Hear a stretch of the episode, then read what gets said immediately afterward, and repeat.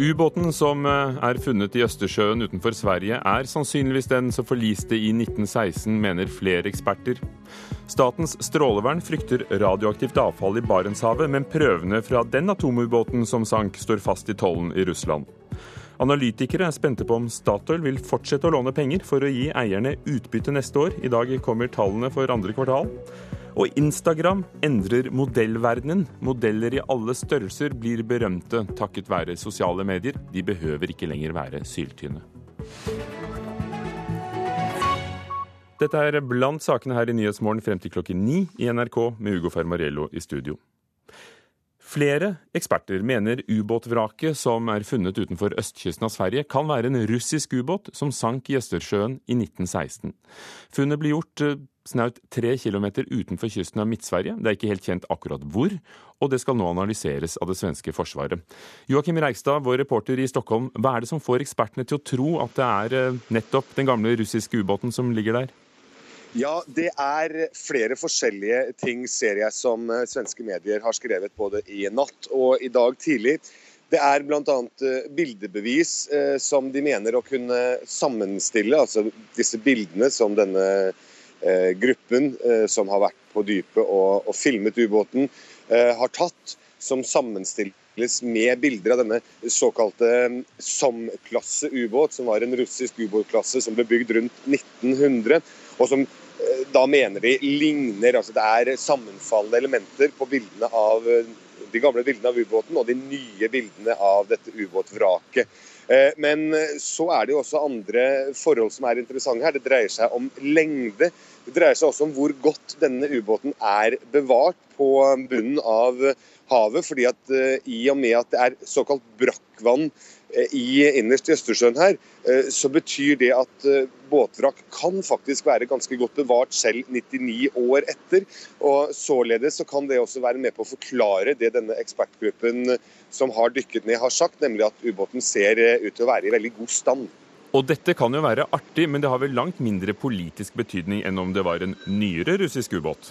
Ja, selvfølgelig har det det. Det er eh, interessant at de finner en, en så gammel ubåt. Men dersom eh, det viser seg å være sannheten her, hvilket vi ennå ikke vet, så er det klart at det har langt mindre storpolitisk betydning i dag. Man eh, vil jo umiddelbart trekke linjene tilbake til i fjor høst, da det svenske forsvaret var på en, nærmest må være lov til å kalle det en desperat jakt etter ubåt i skjærgården her. Etter tallrike observasjoner av det som skulle ha vært, og som de etter hvert mente å kunne fastsi med 100% sikkerhet, var nettopp en russisk eh, ubåt som krenkte svensk territorium. Hvis det hadde vært den som var funnet, eventuelt med mannskap om bord, så vil jo det være en eh, ekstremt eh, interessant og viktig nyhet og også sette det politiske spillet og den spente politiske situasjonen mellom Russland og vestlige stater veldig mye høyere på kartet. Men er det noen Men... som tror det kunne, kunne, vært den? Er det noen andre sannsynlige teorier enn at det er uh, ubåten Steinbit, eh, som den ville het i norsk oversettelse, som sank i, i 1916? Ja, det er selvfølgelig ingenting som er 100 sikkert. og Eh, denne gruppen, altså Ocean X, eh, som de kaller seg, disse eventyrerne som har eh, vært nede og filmet denne båten, nei, de mener jo helt åpenbart at det godt kan være en ubåt av nyere modell. En av disse har sågar sagt i et intervju at ubåten så det svenskene kaller for fresh, altså ny ut. Men andre eksperter mener jo at dette her kan forklares med, med andre ting. Og så er det jo sådan da, at man også mener å ha sett Eh, russiske bokstaver på denne ubåten. Så er det da et spørsmål igjen, fordi at noen av disse bokstavene eh, hevder igjen andre eksperter på kyrillisk, altså det russiske alfabetet. er Noen av bokstavene, i hvert fall én av de, eh, gikk ut av bruk for eh, mange mange år siden, og ikke dermed trolig kan stamme fra en ny ubåt. Takk skal du ha, reporter Joakim Reistad i Stockholm. Vi hører mer fra deg utover dagen. Nå skal altså det svenske forsvaret analysere funnene og, og, og den gruppen som fant. Dette vraket er altså de samme som fant champagneflaskene eh, som var eh, over 100 år gamle og som ble smakt for litt siden. Så er det også sagt.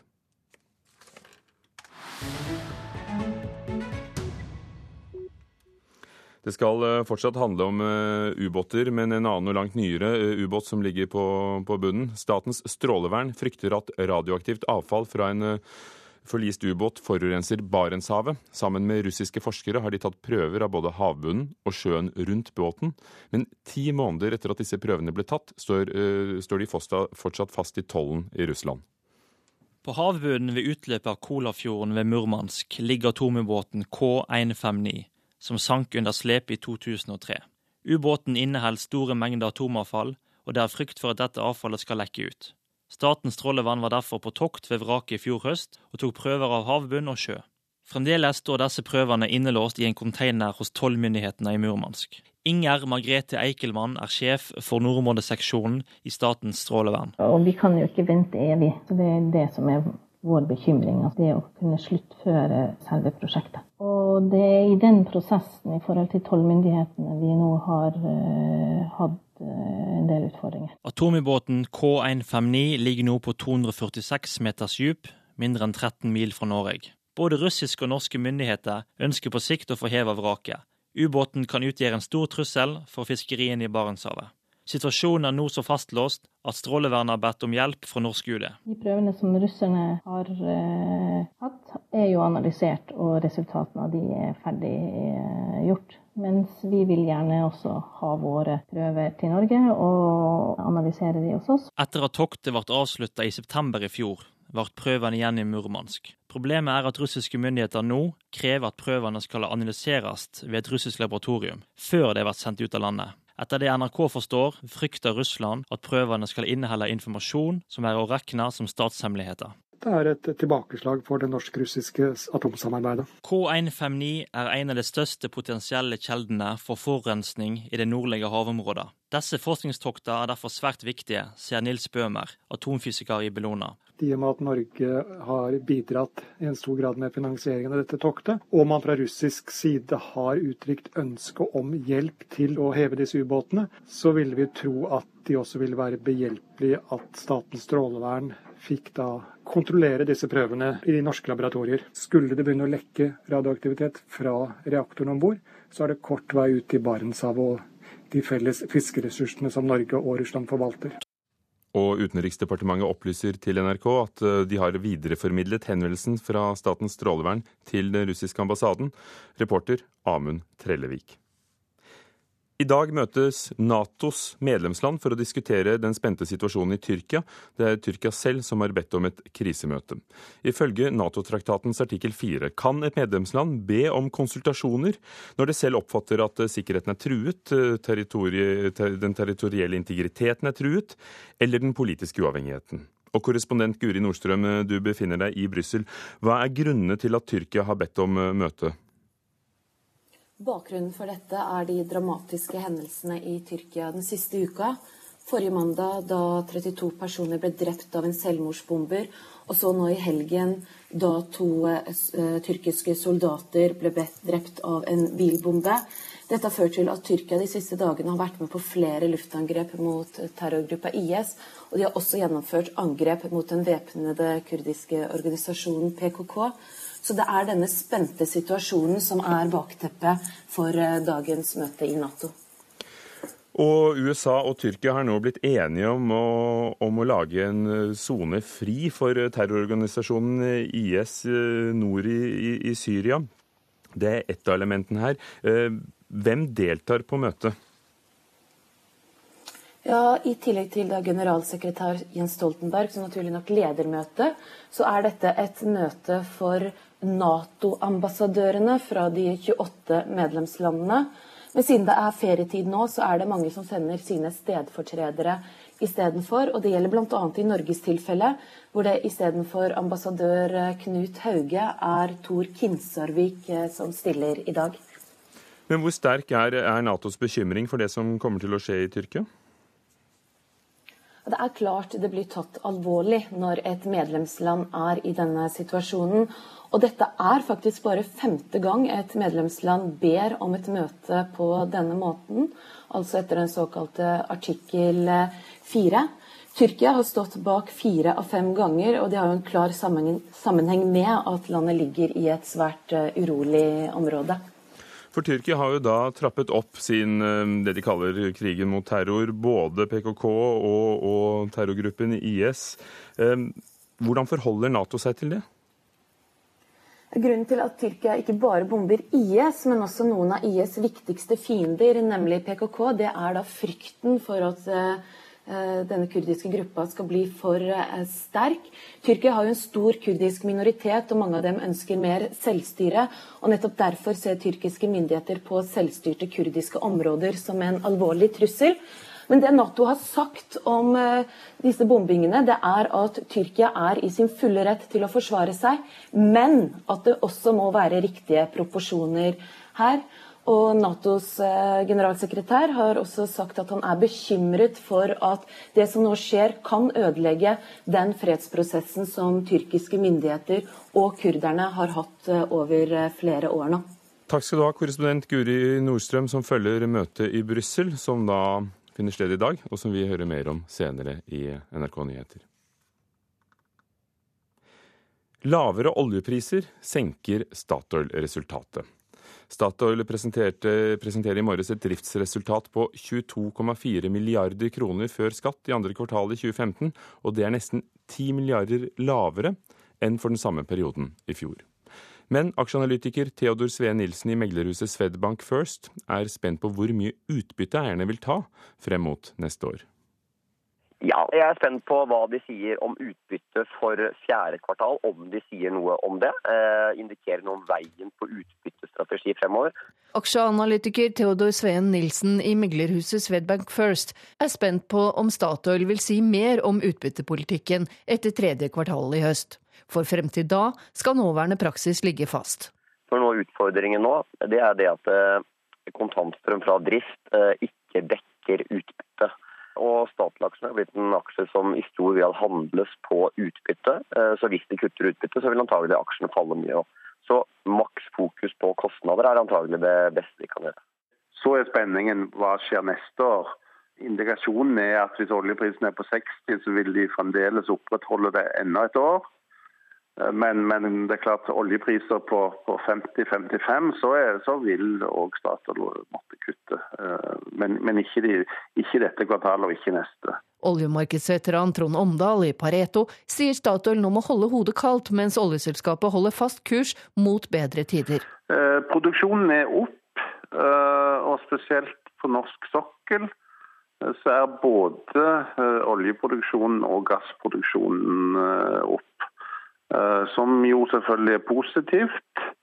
Eh, men det greier jo ikke å kompensere for, for det betydelige prisfallet. For energiselskapet Statoil er oljeprisen en avgjørende faktor, og prisen er på omtrent det halve sammenlignet med fjoråret. Og oljeprisen bør gå opp neste år, ganske markert, tror Trond Omdal i meglerhuset Pareto. Vi tror disse oljeprisene er for lave på sikt. Vi har et, et, et, eh, en gjennomsnittspris på 75 dollar for, for, neste år.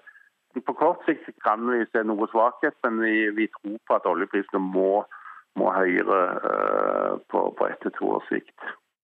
Reporter var Hedvig Bjørgum, og hva Statoils tall viser, skal professor i oljeøkonomi Klaus Moen hjelpe oss å forstå nærmere kvart på åtte her i Nyhetsmorgen. Klokken er snart 17 minutter over syv. Du hører altså på Nyhetsmorgen i NRK. Hovedsaker.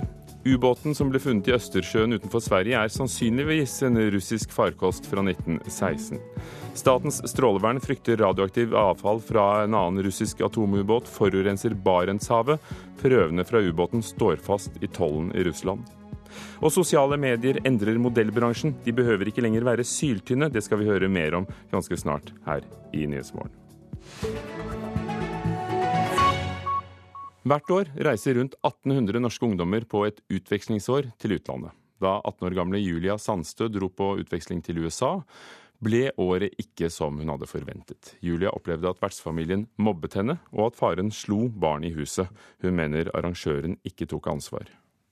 Faren eh, brukte vold mot sønnen sin, så det våknet jeg ganske ofte av og sovnet til. da, At han banket opp sønnen sin. De var eh, veldig misfornøyd veldig mye. Eh, og jeg prøvde alt jeg kunne på å tilpasse meg, men eh, de sa ting som at daglig, da. Du er så kald, egoistisk og tenker ikke på noen andre osv. Og, og Um, kunne ikke ta med vann på rommet. Um, kunne ikke spise sammen med dem i stua. Utvekslingsåret ble ikke som forventet. I fjor høst dro Julia fra Vestby til Michigan i USA gjennom den norske arrangøren Explorius, som hun mener ikke tok ansvar da problemene oppsto. Ja, vi er jo egentlig veldig, vi er veldig lei oss for at, at hun har følt det på den måten. Sier Nina Slupphaug i Explorius, som deler ansvaret med en lokal underorganisasjon i USA. Hvis en student ikke trives i sin vertsfamilie, så er det den lokale organisasjonen som har ansvar for å finne en ny vertsfamilie.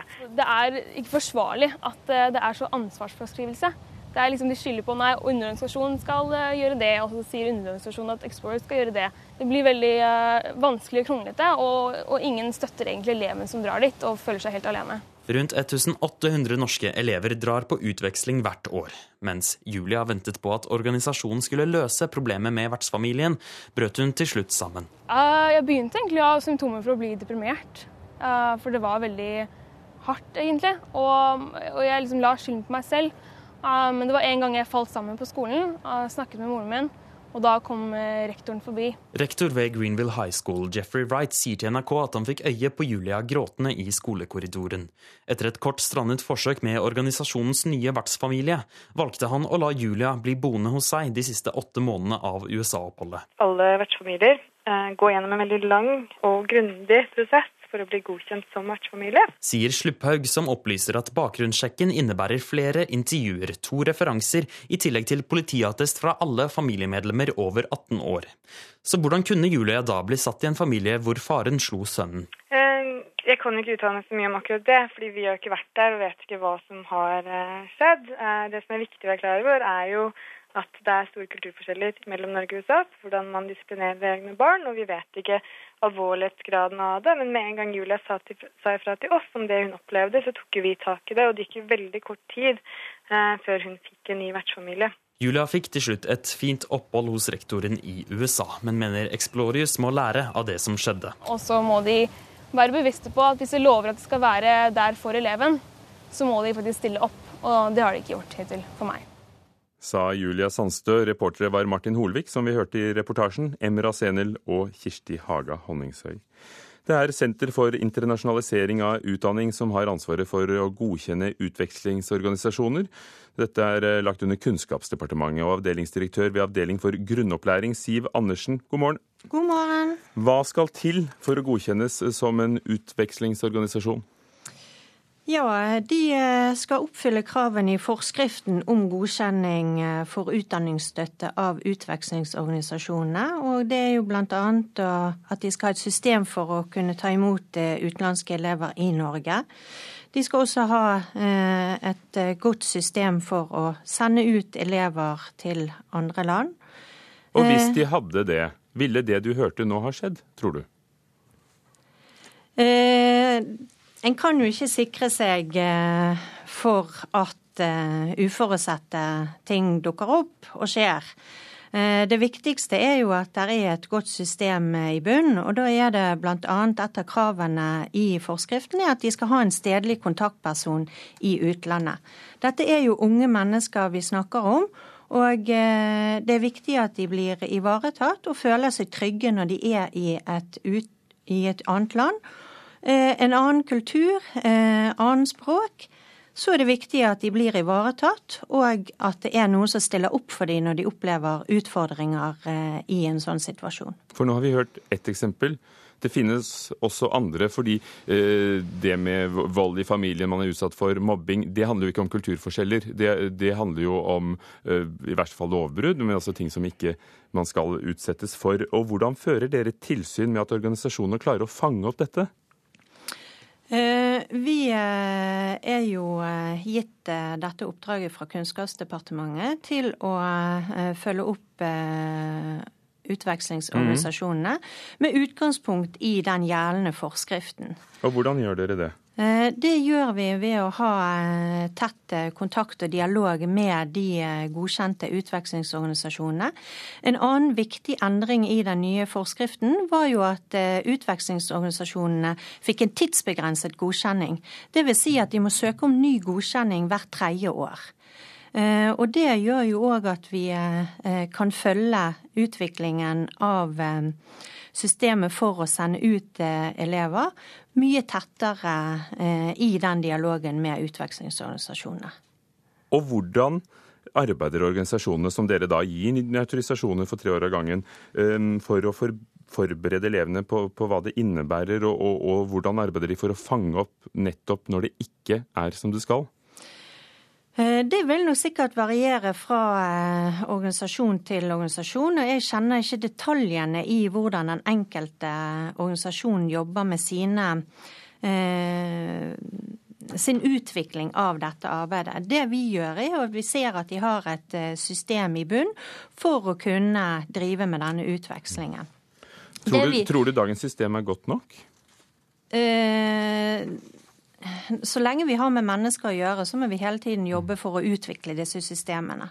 Eh, og 16-17-åringer som er i et annet land, er sårbare, og det er de som må være i fokus. Det, det må være i fokus både for oss som har ansvar for å forvalte denne forskriften, og for eh, utvekslingsorganisasjonene, at eh, de unge menneskene som reiser ut, skal ha et best mulig opphold både faglig og sosialt. Og det er det vi må jobbe for å utvikle hele veien. Takk skal du ha, Siv Andersen, avdelingsdirektør ved Avdeling for grunnopplæring i Senter for internasjonalisering av utdanning. Og senere om en times tid her i Nyhetsmorgen skal vi også høre hva studentenes egen organisasjon gir som råd til dem som skal ut på et år i utlandet. Vi tar en eh, liten titt på noen av avisenes forsider i dag. Sensasjon eller tidenes svenskevits er overskriften i VG, som har intervjuet de som eh, har funnet ubåten utenfor Sverige med kyrilliske tegn på skroget. Som vi hørte tidligere i Nyhetsmorgen, kan det dreie seg om ubåten Ni, Steinbit, som forliste i 1916. VG har også saken om UD, som har funnet flere tilfeller av svindel med bistandspenger. UDs egen kontrollavdeling har avdekket bl.a. at en organisasjon i Uganda som fikk 105 000 kroner i støtte fra Norge, diktet opp flere landsbyer som slett ikke finnes.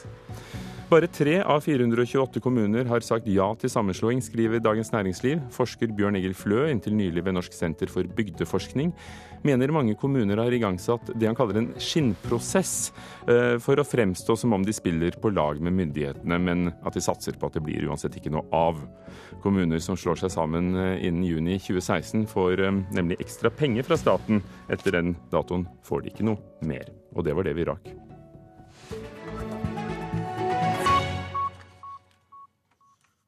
Instagram og andre sosiale medier endrer modellbransjen og gjør at vi får flere modeller, altså motemodeller, i ulike former og fasonger. Det er spådommen for en av Norges mest erfarne motejournalister. Nå må motebladredaktørene dele makten med såkalte Instagirls, som har millioner av følgere på bildedelingstjenesten. Mom is being so annoying with Blue. She like won't stop complaining I would be her. annoyed too. You're never home. The dog. I just haven't been home for the past few weeks. Gjennom realityserien Keeping Up With The Kardashians har familien Kardashian fra LA blitt verdenskjendiser uten at de egentlig er kjente for noe annet enn å være rike og pene says it's not fair. It's not fair to do to anyone to let them clean up after your mess every single morning. En av dem er Kendal Jenner, som nå har steget i gradene og blitt en av verdens mest ettertrakta modeller. Og det har hun i stor grad klart gjennom bildedelingstjenesten Instagram. Hi, I'm Kendall. K-e-n-d-a-l-l. J-e-n-n-e-r. Kendall Jenner har jo flere følgere enn en alle Vogue-opplagene i hele verden til sammen. Det sier motejournalist og kommentator i Dagsavisen Sissel Hoffeng. Kendal Jenner har nemlig over 30 millioner følgere på Instagram, og har i år gått visninger for motegiganter som Chanel og Versace, samtidig som hun er med i reklamekampanjer for Calvin Klein og Fendi. Hoffeng mener Insta-jenter som Jenner og Gigi Hadid mjuker opp kravene til det å være modell. Modellbransjen har jo vært veldig kravstor i forhold til hva man ønsker husker hvem det er som kommer gjennom nåløyet. Det har vært vanskelig å bli modell. Du har måttet ha noen helt spesifikke mål for å komme gjennom nåløyet. og og nå trenger du ikke det. Så Man ser jo f.eks. Eh, flere litt større jenter nå som har gjort det ganske bra. Som uh, Tess Holiday f.eks., som uh, jo er 1,65 høy og jeg tror veier 127 kilo. Hi, I'm Tess Holiday. I am the first plus size model in the world, my height and size to be signed to a major agency. Men ikke alle synes det er bare positivt at Insta-jentene inntar catwalken. Donna Joannou er modelljeger og har bl.a. oppdaga den norske toppmodellen Siri Tollerød. Joannou synes det er urettferdig at det blir sett strengere krav til tradisjonelle modeller enn til Insta-jenter som Gigi Hadid. Ja, altså De er jo mer runde i kantene med de, bokstavelig talt. De godtar at hun er fyldigere enn de andre eh, modellene. Og det er jo urettferdig, ikke sant. At uh, hun har jo egentlig ikke de målene som skal til. Hun er større enn det som er vanlig på catwalken. Og hvis det at det skal være godkjent uh, eller godtatt uh, for henne, så syns jeg det skulle være godtatt for alle de andre jentene. Det har jo gjort min jobb òg veldig mye lettere. Joanno sier det har blitt helt avgjørende å ha en stor fanskare på Instagram for å lykkes som modell. Og dess flere følgere, dess bedre. Du kan være altså, en flott modell eh, eh, nå i dag, men eh, kundene spør med en gang hvor mange Instagram-følgere de har. Det er faktisk blitt sånn at, det, at det til og med jeg må si til, til mine eh, modeller eh, dere må huske å poste på Instagram. Jeg syns det er fint at vi får et mer variert uh, motebilde. Og jeg tror flere som, som lar seg inspirere av motebilder og, og liker å se kul styling, syns det er gøy å se noe annet enn bare det samme same old, same old som vi er vant til fra bladene. Like my career, this is what I want to be, so I really wanted people to take me seriously. Dagsavisen Sissel Hoffeng eh, til nest sist i reportasjen til Lars Ivar Nordahl. Hør ekko. Det er over fire år siden verdens mest ettersøkte mann, Osama bin Laden, ble drept. Men fortalte den offisielle amerikanske versjonen hele sannheten om hva som egentlig skjedde? Hva vet vi, og hva vet vi ikke om kommandoraidet som tok livet av Osama bin Laden? En time ekko i hele sommer mellom klokka ni og ti i NRK P2.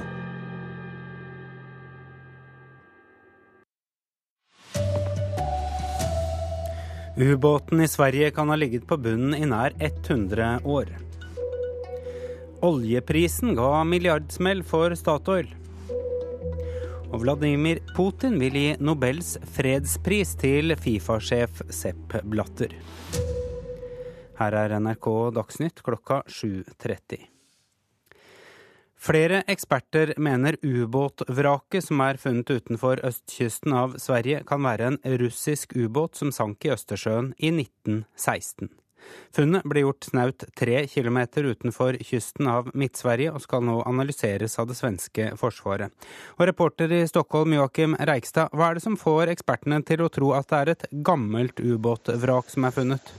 Ja, Det er tre forhold som trekkes fram. Eh, det ene er først og fremst eh, navnet på skroget. Fordi at eksperter på kyrillisk, altså det russiske alfabetet, mener at eh, en av bokstavene som sees, kan være en bokstav som gikk ut av bruk i det kyrilliske, altså det russiske alfabetet allerede i 1918, og således ikke kan stamme fra en ny ubåt.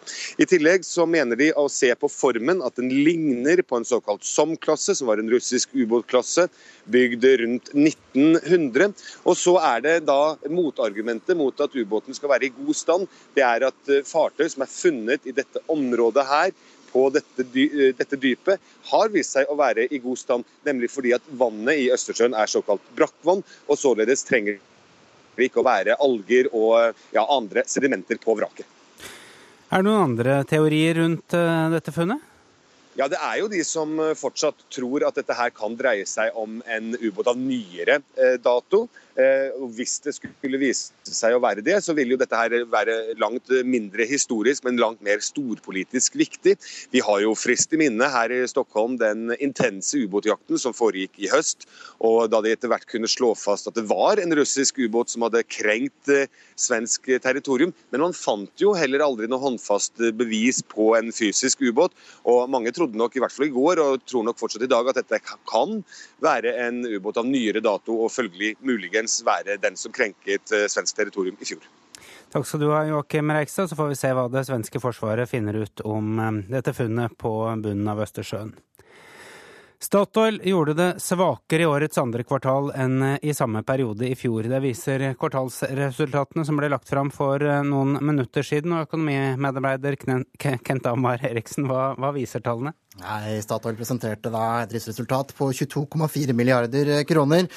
Nesten 10 milliarder lavere enn samme periode i fjor, men likevel litt høyere enn det analytikerne venta før presentasjonen i dag. Resultatet etter skatt var på 10,1 milliarder kroner, ned 12 milliarder fra samme periode i fjor. Og det er vel oljeprisen som eh, gjør at eh, det blir dårligere enn en eh, venta? Ja, på et års tid så har oljeprisen gått fra 115 dollar fatet til nesten 50 dollar, og det er det som er det de skylder på hos Statoil. Takk skal du ha, Kent Amar Eriksen. Og det blir mer om Statoil-resultatet i Nyhetsmorgen etter Dagsnytt P2 og Alltid nyheter. Verdien av aksjene på de kinesiske storbørsene i Shanghai og Shenzhen fortsetter å falle. Børsene har opplevd nedgang siden midten av juni. Det toppet seg i går, da man så den kraftigste nedgangen på åtte år. Sørlandet sykehus får kritikk etter at et spedbarn døde ved barselposten på kvinneklinikken i Kristiansand. Helsemyndighetene mener årsaken til dødsfallet var mangel på næring. Det sier fylkeslege Vest-Agder Geir Stangeland etter en grundig gjennomgang av dødsfallet som skjedde for ca. ett år siden. Han er forundret over at et spedbarn kan dø av mangel på næring på en barselavdeling ved et norsk sykehus. Sykehuset sier de vil vurdere hvilke rutiner som skal endres for at slikt ikke skal kunne skje igjen. Da 18 år gamle Julia Sandstø dro på utveksling til USA, ble året ikke som lovet. Julia opplevde at vertsfamilien mobbet henne og måtte forholde seg til rigide regler. Faren eh, brukte vold mot sønnen sin, så det våknet jeg ganske ofte av. At han banket opp sønnen sin. Kunne ikke ta med vann på rommet. Um, kunne ikke spise sammen med dem i stua. Og de sa slike ting som at uh, vi angrer på at vi lot deg komme hit, og du har ødelagt familien vår, osv. Utvekslingsåret ble ikke som forventet. I fjor høst dro Julia fra Vestby til Michigan i USA gjennom den norske arrangøren Explorius, som hun mener ikke tok ansvar da problemene oppsto. Ja, vi er jo egentlig veldig Vi er veldig lei oss for at, at hun har følt det på den måten. Sier Nina Slupphaug i Explorius, som deler ansvaret med en lokal underorganisasjon i USA. Hvis en student ikke trives i sin vertsfamilie, så er det den lokale organisasjonen som har ansvaret for å finne en ny vertsfamilie. Det er ikke forsvarlig at eh, det er så ansvarsfraskrivelse. Det er liksom De skylder på nei, underorganisasjonen skal eh, gjøre det, og så sier underorganisasjonen at Explorer skal gjøre det. Og, og ingen støtter egentlig eleven som drar dit, og føler seg helt alene. Rundt 1800 norske elever drar på utveksling hvert år. Mens Julia ventet på at organisasjonen skulle løse problemet med vertsfamilien, brøt hun til slutt sammen. Det var en gang jeg falt sammen på skolen og snakket med moren min, og da kom eh, rektoren forbi. Rektoren lot Julia bli boende hos seg resten av oppholdet. Slupphaug sier at alle deres vertsfamilier blir bakgrunnssjekket med politiattest, referanser og intervjuer. Jeg har jo sett alle mailene som har gått mellom henne og hennes kontaktperson her på kontoret i Norge. Det har jo blitt gitt ganske uttrykkelig uttrykk for at hun er der for å støtte Julia. Så det at hun fortsatt har opplevd at hun står uten oss i ryggen, det syns vi er kjempeleit. Reportere her Martin Holvik, Emra Sennel og Kirsti Haga Honningsøy. Det er Senter for internasjonalisering av utdanning som har ansvaret for godkjenning av utvekslingsorganisasjoner. Det er viktig at utvekslingsorganisasjonene har gode rutiner for å ta vare på elevene, sier avdelingsdirektør Siv Andersen. En kan jo ikke sikre seg eh, for at eh, uforutsette ting dukker opp og skjer. Eh, det viktigste er jo at det er et godt system i bunn, og da er det bl.a. et av kravene i forskriften at de skal ha en stedlig kontaktperson i utlandet. Dette er jo unge mennesker vi snakker om. Og eh, det er viktig at de blir ivaretatt og føler seg trygge når de er i et, ut, i et annet land. Eh, en annen kultur, annen språk så er det viktig at de blir ivaretatt, og at det er noen som stiller opp for dem når de opplever utfordringer eh, i en sånn situasjon. Sa Siv Andersen i Senter for internasjonalisering av utdanning.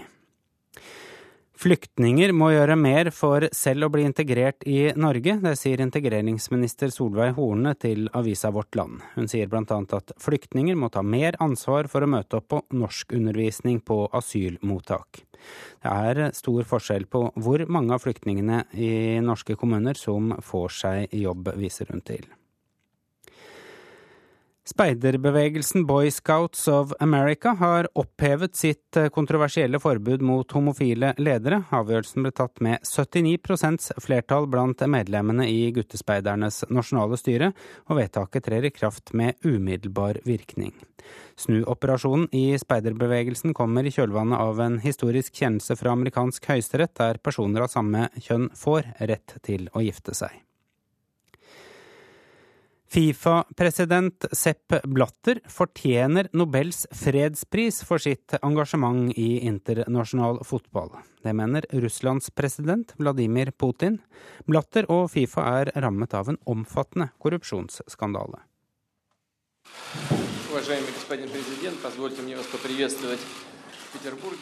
President Vladimir Putin tar imot en stor delegasjon fra det internasjonale fotballforbundet Fifa i St. Petersburg. Delegasjonen ledes av president Sepp Blatter. Putin sparer ikke på konfekten. Han gjør det klart at han er en stor beundrer av Blatter, og at fotballederen etter hans mening ikke har vært innblandet i noen form for korrupsjon. Blatter personlig er ikke anklaget, men Fifa er rammet av en stor korrupsjonsskandale. I et intervju med den sveitsiske fjernsynsstasjonen RTS sier Putin at Sepp Blatter og andre internasjonale idrettsledere fortjener Nobels fredspris for sitt selvoppofrende arbeid.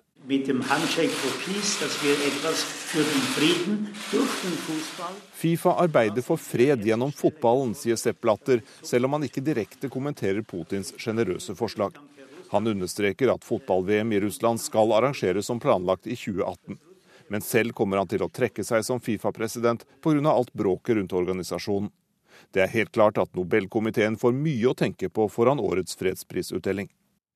Ja, det sa reporter eh, Jan Espen Kruse. Ansvarlig for eh, Dagsnytt i dag er Elin Pettersen. Teknisk ansvarlig Hilde Tosterud. Her i studio står Arild Svalbjørg.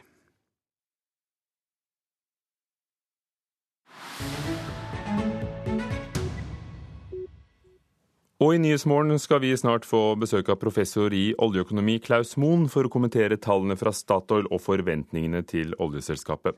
Og møte Arbeiderpartiets ordførerkandidat i Stavanger, som vil gjøre kollektivtransporten gratis, eh, som det første i landet. Men før det til Nigeria. Et par tenåringsgutter tar mål av seg å til å overgå både Google og Microsoft i å lage programvare. De holder til i Nigerias største by, Lagos. Der har eh, de to brødrene laget sin egen nettleser. De var ikke fornøyd med dem som var til salgs, som ofte er beregnet på veldig kostbare smarttelefoner. De ville lage noe enklere, forteller reporter Philip Lote. Fingrene flyr over skjermen i kvikke, innøvde bevegelser. Og Sine og Anesi Ikianosime er som mange andre tenåringer. Aktive i en verden hvor det å beherske og være til stede på sosiale medier definerer hvem du er. Nå er de 14 og 16 år gamle, men for allerede to år siden startet de en entreprenørkarriere. Guttene er nemlig ikke kun aktive på nett, de er også gode til å programmere. I had like a small phone at the time when I Google Chrome, like the that was like the main browser on the phone, and it wasn't really functional for me. So I decided to make something that can work for myself. Jeg hadde en ganske liten telefon. Da jeg startet å lære koding og å programmere, var Google Chrome og tilsvarende hovednettleseren på telefonen. Og den var egentlig ikke særlig funksjonell. Så jeg bestemte meg for å lage noe som virket til mitt bruk, forteller Anesi, den eldste av de to brødrene. Veksten i mobilbruk i Afrika sør for Sahara er med på å endre kontinentet. I 2014 var det 330 millioner mobilabonnenter, mens det i 2020 er ventet å passere en halv milliard, viser tall fra mobilindustriens egen organisasjon GSMA. De fleste afrikanere bruker enkle og billige telefoner, hvor den beste programvaren og de beste nettleserne rett og slett blir for avanserte. Det er her Osine og Anesi Ikeanosime og deres nettleser Crocodile Browser Light kommer inn. De sier at deres produkt er både raskere og kan støttes av enklere og billigere telefoner. I just want to solve problems that people have to make people's life easier and better. Jeg ønsker egentlig kun å løse problemer som folk har, og å gjøre folks liv enklere og bedre, sier lillebror Osine. Det er han som programmerer, mens storebror lager designet på Crocodile Browser Light. Produktet er unnfanget på skrivepulten i det øvre middelklassehjemmet i Lagos, og det har blitt lagt merke til av de store aktørene som ser Afrika som et spennende vekstmarked. You know, they should keep working on it and keep improving it so that even beyond this stage where there's a lot of publicity around it. Nå til å begynne med vil mange laste ned nettleseren av nysgjerrighet, og for å få en følelse av hvordan den er. Men det er viktig at de fortsetter å jobbe med produktet utover den første publisiteten, sier Chukwumeka Afigbo, programvaredirektør for Google i Nigeria. You know, uh, people will then get hooked on the browser because it's either superior or there's something it does especially well. Og guttene har ikke tatt av, og fokuset er fremdeles like jordnært som det er visjonært. De ønsker å tilby mobilløsninger på utfordringer som folk har i hverdagen, ikke bare i Afrika, men i alle utviklingsland. Det er mange som tror jeg er en smart milliardær-IT-ungdom, men de vet ikke at jeg ikke tjener noe penger på dette, og at jeg er akkurat som dem. Det er ikke noe spesielt med meg, sier Osine, den yngste av brødrene Ikiano Sime. There's nothing special about me. Klokken nærmer seg kvart på åtte. Du hører på Nyhetsmorgen i NRK. Oljeprisen ga milliardsmell for Statoil. Det skal vi snart høre mer om her i sendingen. Ubåten funnet i Østersjøen utenfor Sverige er sannsynligvis russisk, og sank for 100 år siden. Og Nato holder toppmøte for å diskutere Tyrkias krig mot terrororganisasjoner i nabolandene.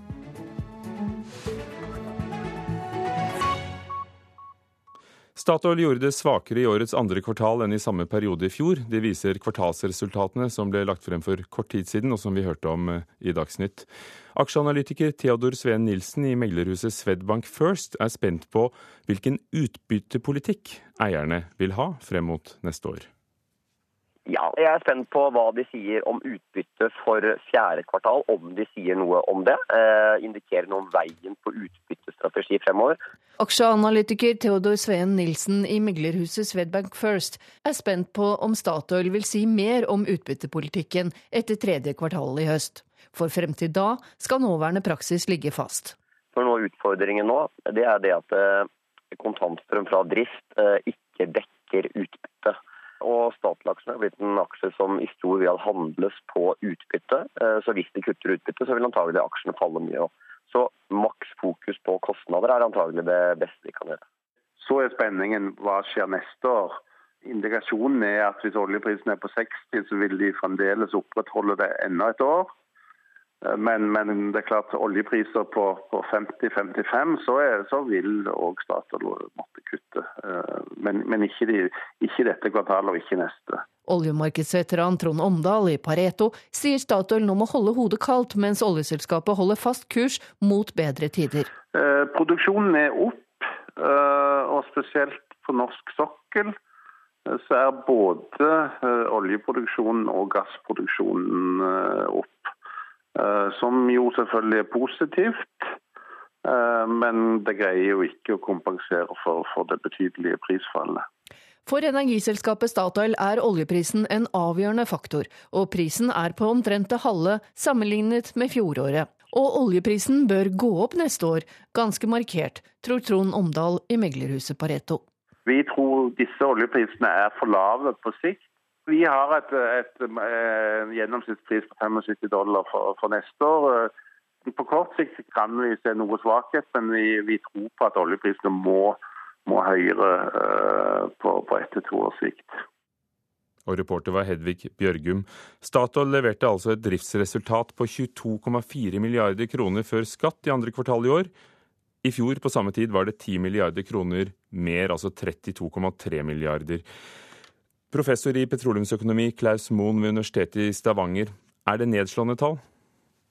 Nei, jeg vil ikke si det. Dette er en positiv overraskelse. Selv om resultatene er ned, så er resultatet sterkere enn det gjennomsnittet av analytikere hadde lagt til grunn.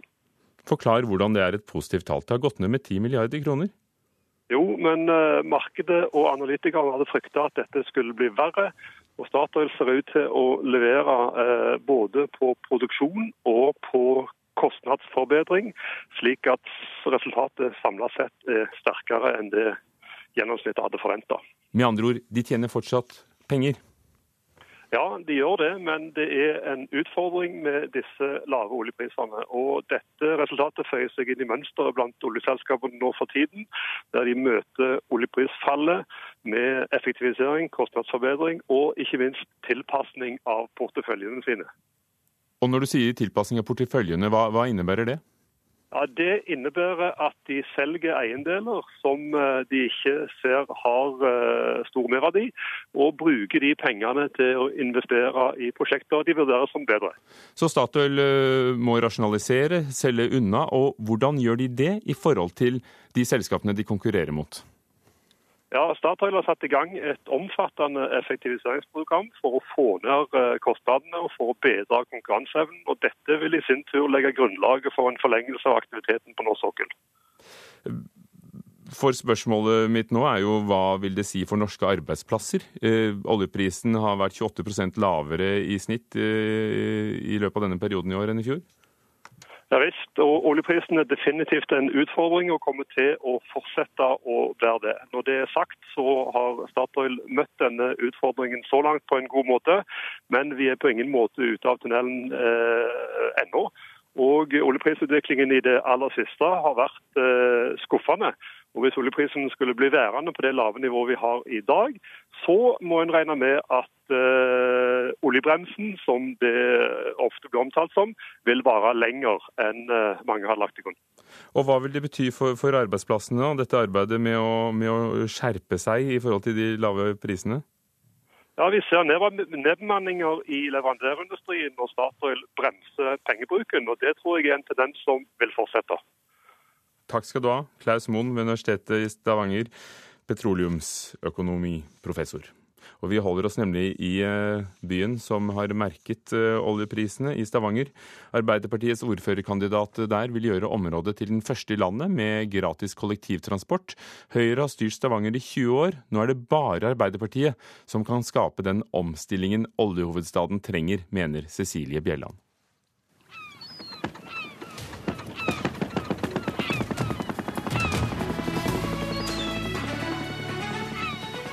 Politisk sommerintervju i Nyhetsmorgen. Jeg heter Cecilie Bjelland. Jeg er 48 år, og jeg stiller til valgs Arbeiderpartiet sin ordførerkandidat i Stavanger. Stavanger er en fantastisk by som har mange hundre års erfaringer med endringer. Fra seilskuter til sild, eller hermetikk til olje. Vi vet at endringer det skaper nye løsninger, og hvis vi gjør kloke valg for vår stolte by nå, så ligger de største mulighetene foran oss. Ja, for du har egentlig en ganske formidabel oppgave. Høyre og sentrum har jo styrt Stavanger i årevis, og det virker jo nesten umulig å skulle overta. Hvordan ser du på den oppgaven? Jeg ser at Høyre har styrt i 20 år nå. Og det har vært de 20 årene som har vært de beste i Stavanger sin historie. Men uh, samtidig så ser vi at uh, når vi har hatt så store oljeinntekter, så har altså da ikke Høyre rigget byen vår for regnværsdager når oljevirksomheten blir utfordret. Og nå opplever vi at arbeidsplasser forsvinner. Vi har over 6000 ledige i den regionen vår. Vi har en tøff kommuneøkonomi der bare for 2015 så må vi kutte over 280 millioner kroner i Stavanger. Men det er ikke bare det. Vi ser òg at vi trenger flere barn. Vi har det laveste fødselstallene i forhold til folkemengde siden 1965. Vi har altså noen store utfordringer i Stavanger-regionen. Og vi mener at Arbeiderpartiet har de ideene, har de løsningene som skal til for at vi kommer oss inn på riktig spor. Du har bakgrunn som eh, advokat og bedriftsøkonom. For å få makt i Stavanger, så må du jo inngå samarbeid og kompromisser. Kjenner du at du har eh, evner til det? Jeg tror som ordfører det er en av de viktigste tingene du skal jobbe med. Det er å få flere alternativer på bordet. Sørge for at det blir diskusjoner om hva er de beste løsningene, og så sørge for at det kommer enighet, størst mulig enighet, for at du får de gode løsningene som skaper en enda bedre by. Og jeg tror at min bakgrunn som advokat har nettopp eh, vært mye av akkurat de tingene der. Det er se mulighetene, men òg først og fremst jakte etter løsningene som sørger sørge for at du får stadig bedre avtaler, som gjør at du, for vår del, at vi skaper en stadig bedre by. Men du virker jo eh, veldig klar for å ta makta i eh, Stavanger. Men hvordan er det da, når eh, vi nå kanskje står overfor en skikkelig blåmandag etter mange år med gode skatteinntekter, og nå er det krise? Vi står overfor store endringer i Stavanger. Men eh, som jeg sa innledningsvis òg, så er det en ting vi har erfart, så er det at endringer det gir nye muligheter. Og det handler nå om å rigge oss til på en sånn måte at vi utnytter de mulighetene som kommer. Vi i Arbeiderpartiet mener at det aller, aller viktigste vi jobber for, det er nye arbeidsplasser og nye næringsbein å stå på. Men da er det um, en god del ting som kommunen kan gjøre. Og det er mange som ser ut til å glemme at god velferdspolitikk, det er òg god næringspolitikk i mange sammenhenger to barnehageopptak. Vi arbeider òg for de fordi at arbeidsgiveren trenger eh, at mor og far kommer tilbake snarest mulig etter sin fødselspermisjon. Gode boliger og nok boliger til at alle har råd til å finne seg et sted å bo i Stavanger. Det handler òg om at folk ønsker å flytte til Stavanger, eller kan bli boende i Stavanger. Gode kollektivløsninger. Det handler om å få folk fram og tilbake til jobb når arbeidsgiveren trenger dem, men òg å få varene sine ut og inn av denne regionen. Og dette er viktige oppgaver som kommunen kan stå for, og som ikke er en utgiftspost for kommunen, men som egentlig er en investering i framtidige arbeidsplasser. Hvis det nå skulle gå slik at eh, du blir eh, ordfører, hva er den viktigste saka du vil gjennomføre? Aller viktigste er å skape nye arbeidsplasser, og det kan vi gjøre på flere områder. Den ene er eh, å innføre et prosjekt for gratis buss. God infrastruktur, det å få folk fram og tilbake til jobb i tide. Det er viktig for næringslivet, og her har vi et etterslep å ta igjen i denne regionen. Og jeg hadde syntes det var fantastisk. Tenk hvis Stavanger kan være den byen som har gratis kollektivtrafikk i Norge, som er en foregangsby både på klima og miljø, men òg når det gjelder transport. Tallinn har fått til dette fra 2013 i Estland. Vi ønsker at Stavanger skal være den byen som tar det steget i Norge. Men det må jo du eh, finansiere på et eller annet vis? Mer bompenger og mer rushtidsavgifter? Nei, og det er et kjempegodt poeng du har akkurat der. For det er det neste. Og det er at vi må jobbe enda tettere opp mot sentrale myndigheter. Vi opplever akkurat nå eh, et Høyre som ikke har gjennomslagskraft i forhold til sin egen regjering.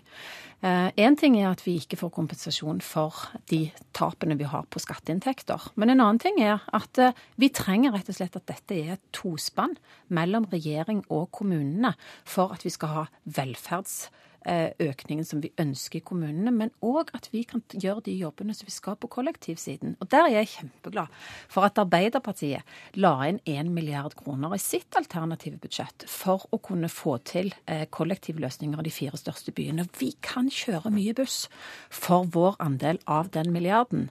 Når vi kommer til nyttårsaften i 2016, hva har du lyst til å tenke tilbake igjen på da, på ditt politiske halvår? Da håper jeg at eh, vi skal stå på terskelen til mye nytt og spennende for Stavanger som by. For det første så håper jeg at vi da skal være i en maktposisjon der Arbeiderpartiet kan få gjennomslag for to barnehageopptak i året. Da er det bare et spørsmål om tid før vi ruller ut prøveprosjektet på gratisbuss i Stavanger-regionen, og blir den første regionen i Norge som får til et sånt prosjekt. Og så håper jeg inderlig at vi er rett før vi skal ta et spadestikk for enda et nytt sykehjem, sånn at vi virkelig kan få realisert dette med full sykehjemsdekning i Stavanger. Da er det bare å ønske god valgkamp. Takk skal du ha. Arbeiderpartiets ordførerkandidat i Stavanger, Cecilie Bjelland, intervjuet av Otto Valsund. Du hører på Nyhetsmorgen. På denne tiden ser vi på værmeldingen frem mot midnatt. Fjell i Sør-Norge får det meste skyet, enkelte regnbyger sør for Finse. Ellers stort sett opphold. Fra i ettermiddag enkelte regnbyger i hele området. Østlandet og Telemark får for det meste skyet eh, vær, men også regnbyger. Agder. Nordøstlig bris, frisk bris på kysten øst for Lindesnes, for det meste skyet regnbyger. Rogaland skyet og regnbyger. Hordaland delvis skyet, stort sett oppholdsvær. I ettermiddag økning til nordlig frisk bris på kysten. Skyet eller delvis skyet enkelte regnbyger. Sogn og Fjordane stort sett pent vær. I ettermiddag økning til nordlig liten kuling på kysten. Skyet eller delvis skyet enkelte regnbyger. Møre og Romsdal får skyet eller delvis skyet vær med enkelte regnbyger. Trøndelag sørvestlig liten kuling på kysten. Fra i ettermiddag skiftende bris. Skyet eller delvis skyet, enkelte regnbyger. Nordland sørlig liten kuling utsatte steder. Først på dagen stedvis stiv kuling på kysten. Spredt regn. I ettermiddag minking til skiftende bris, oppholdsvær og en del sol. I Troms blir det spredt regn, lettskylt oppholdsvær. I grensetraktene mer skyet. Finnmark får sørøstlig frisk bris på de utsatte stedene. Mulighet for regnbyger på Finnmarksvidda, ellers delvis skyet oppholdsvær. Nordensjøland på Spitsbergen østlig liten kuling utsatte steder. Periodevis stiv kuling, skyet og spredt regn. Og så temperaturene, målt klokken syv i dag tidlig.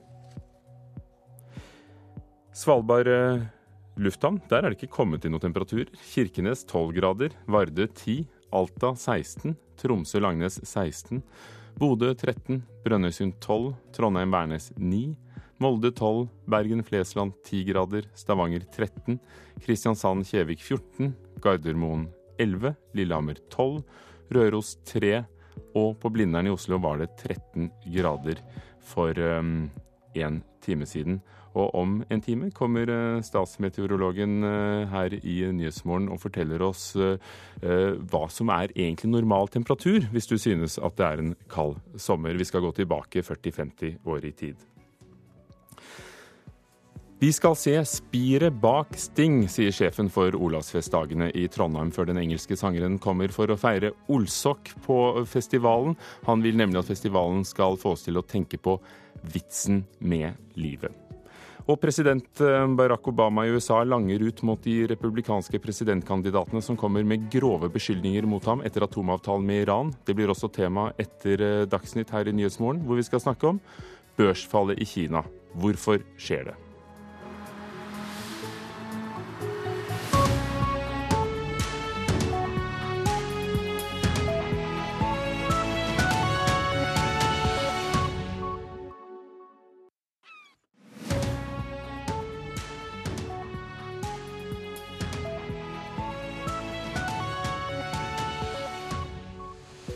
Politiet i Tyrkia frykter terror på offentlige steder. USAs president Obama slår tilbake mot motstanderne av atomavtalen med Iran.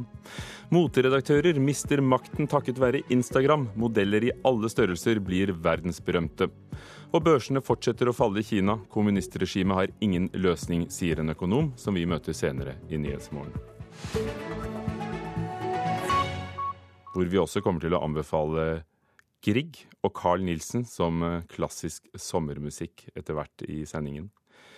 Først eh, om Tyrkia. I Tyrkias største by Istanbul frykter politiet at terrorister skal utplassere bomber på offentlig transport og i offentlige bygninger. For en uke siden ble 32 mennesker drept i et terrorangrep i den tyrkiske byen Suruc. Utenriksmedarbeider Jasun Espen Kruse, hvor alvorlig er situasjonen i Istanbul? Ja, Denne advarselen er jo med på å skape en ganske ny situasjon i Tyrkia. Altså, Man eh, skaper frykt og usikkerhet. Eh, det er ikke vanskelig å identifisere seg med den situasjonen når politiet går ut og sier at eh, på offentlig transport og i offentlige bygninger. Og der hvor det er masse mennesker, kan man når som helst risikere en terroraksjon. Og det er klart at Tyrkerne har jo friskt i minne det som skjedde siste uke, hvor 32 mennesker mistet livet. Tyrkiske myndigheter går hardt ut eh, med politiaksjoner både mot mistenkte IS-medlemmer og mot eh, mistenkte militante kurdere. Eh, så det er mulig at tyrkiske myndigheter også vil hause opp situasjonen litt for å på en måte rettferdiggjøre de veldig harde aksjonene som politiet gjennomfører nå. For det har vært flere voldelige sammenstøt mellom politiet og demonstranter de siste dagene. Er det trolig at det vil um, fortsette? Ja, det er høyst sannsynlig. Eh, det kommer advarsler om det også. Og der igjen, eh, politiets harde aksjoner har ført til eh, motreaksjoner, særlig fra kurdisk tilhengere på kurdisk side. De har gått til motangrep mot politiet, og det er all grunn til å tro at så lenge politiaksjoner fortsetter, så vil disse demonstrasjonene også fortsette i store tyrkiske byer. Istanbul er ikke bare en millionby, det er også et populært turistmål, også for nordmenn. Hva bør de som reiser dit tenke på? Ja, Der sier det norske utenriksdepartementet nå at uh, turister bør lytte til råd fra tyrkiske myndigheter og følge disse rådene. Og det betyr naturligvis å være noe forsiktig med å være i store menneskemengder, og også følge med på offentlig transport, og der man er på steder hvor slike terroraksjoner kan tenkes å skje. Det er naturligvis vanskelig å gjøre i, i praksis, eh, men det er et nytt moment som eh, turistene må ha med seg i hodet. Og når politiet advarer og dermed hauser opp situasjonen i, Istanbul, så føyer jo det seg inn i et større bilde. Nato, som vi hørte tidligere i dag, holder da et hastemøte i dag i Brussel om uh, Tyrkias uh, krig mot terrororganisasjonene IS og, den kurdiske geriljaen PKK. Um, hva er sammenhengen, og hva kan komme ut av Nato-møtet? Ja, det er, det er, Siden det er Tyrkia som har bedt om det, så ønsker de noe ut fra dette møtet. Og de ønsker naturligvis å få støtte de, eh, fra andre Nato-land i sin kamp. De ønsker at andre land skal delta mer aktivt. Eh, I går kveld så kom det meldinger om at USA og Tyrkia inngår en slags avtale om å forsøke å opprette en såkalt IS-fri sone i Nord-Syria, eh, hvor amerikanske bombefly skal gå mye mer aktivt inn i denne kampen. Så eh, det skjer ganske mye, og dette får vi høre mer om på Nato-møtet i dag. Takk, Jan Espen Kruse, utenriksmedarbeider. President Barack Obama i USA langer ut mot eh, republikanske presidentkandidater som kommer med grove beskyldninger mot ham etter eh, atomavtalen med Iran for noen uker siden. Denne helgen sammenlignet kandidaten Mike Huckabee atomavtalens konsekvenser for eh, Israel med jødeutryddelsene under andre verdenskrig a sitting senator called John Kerry Pontius Pilate. Uh, we've had a sitting senator who also happens to be running for president suggest that I'm the leading state sponsor of terrorism. En senator kalte utenriksminister John Kerry for Pontius Pilatus, og en annen har sagt at jeg er en ledende støttespiller for internasjonal terrorisme, sier president Obama. Det var langt hjemmefra på en pressekonferanse i Etiopia at han i går var uvanlig direkte i sin kritikk av sine motstandere. Uttalelsene til presidentkandidater på republikansk side blir stadig grovere. I forrige uke var det Donald Trump som fanget mikrofonene. Og i helga sa tidligere guvernør i Arkansas, Mike Huckabee, følgende om Obama og atomavtalen med Iran. Uh,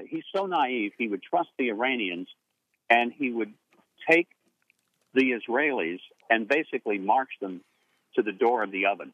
Presidenten er så naiv at han stoler på iranerne og leder israelerne til døra til gasskammeret, sa Huckabee i et radioprogram. You know, the particular comments of, of Mr. Huckabee are, I think, part of just a general pattern that we've seen that would be considered ridiculous if it weren't so sad. Obama beskriver uttalelsen som så grov at den bare er trist og han er ikke alene. Really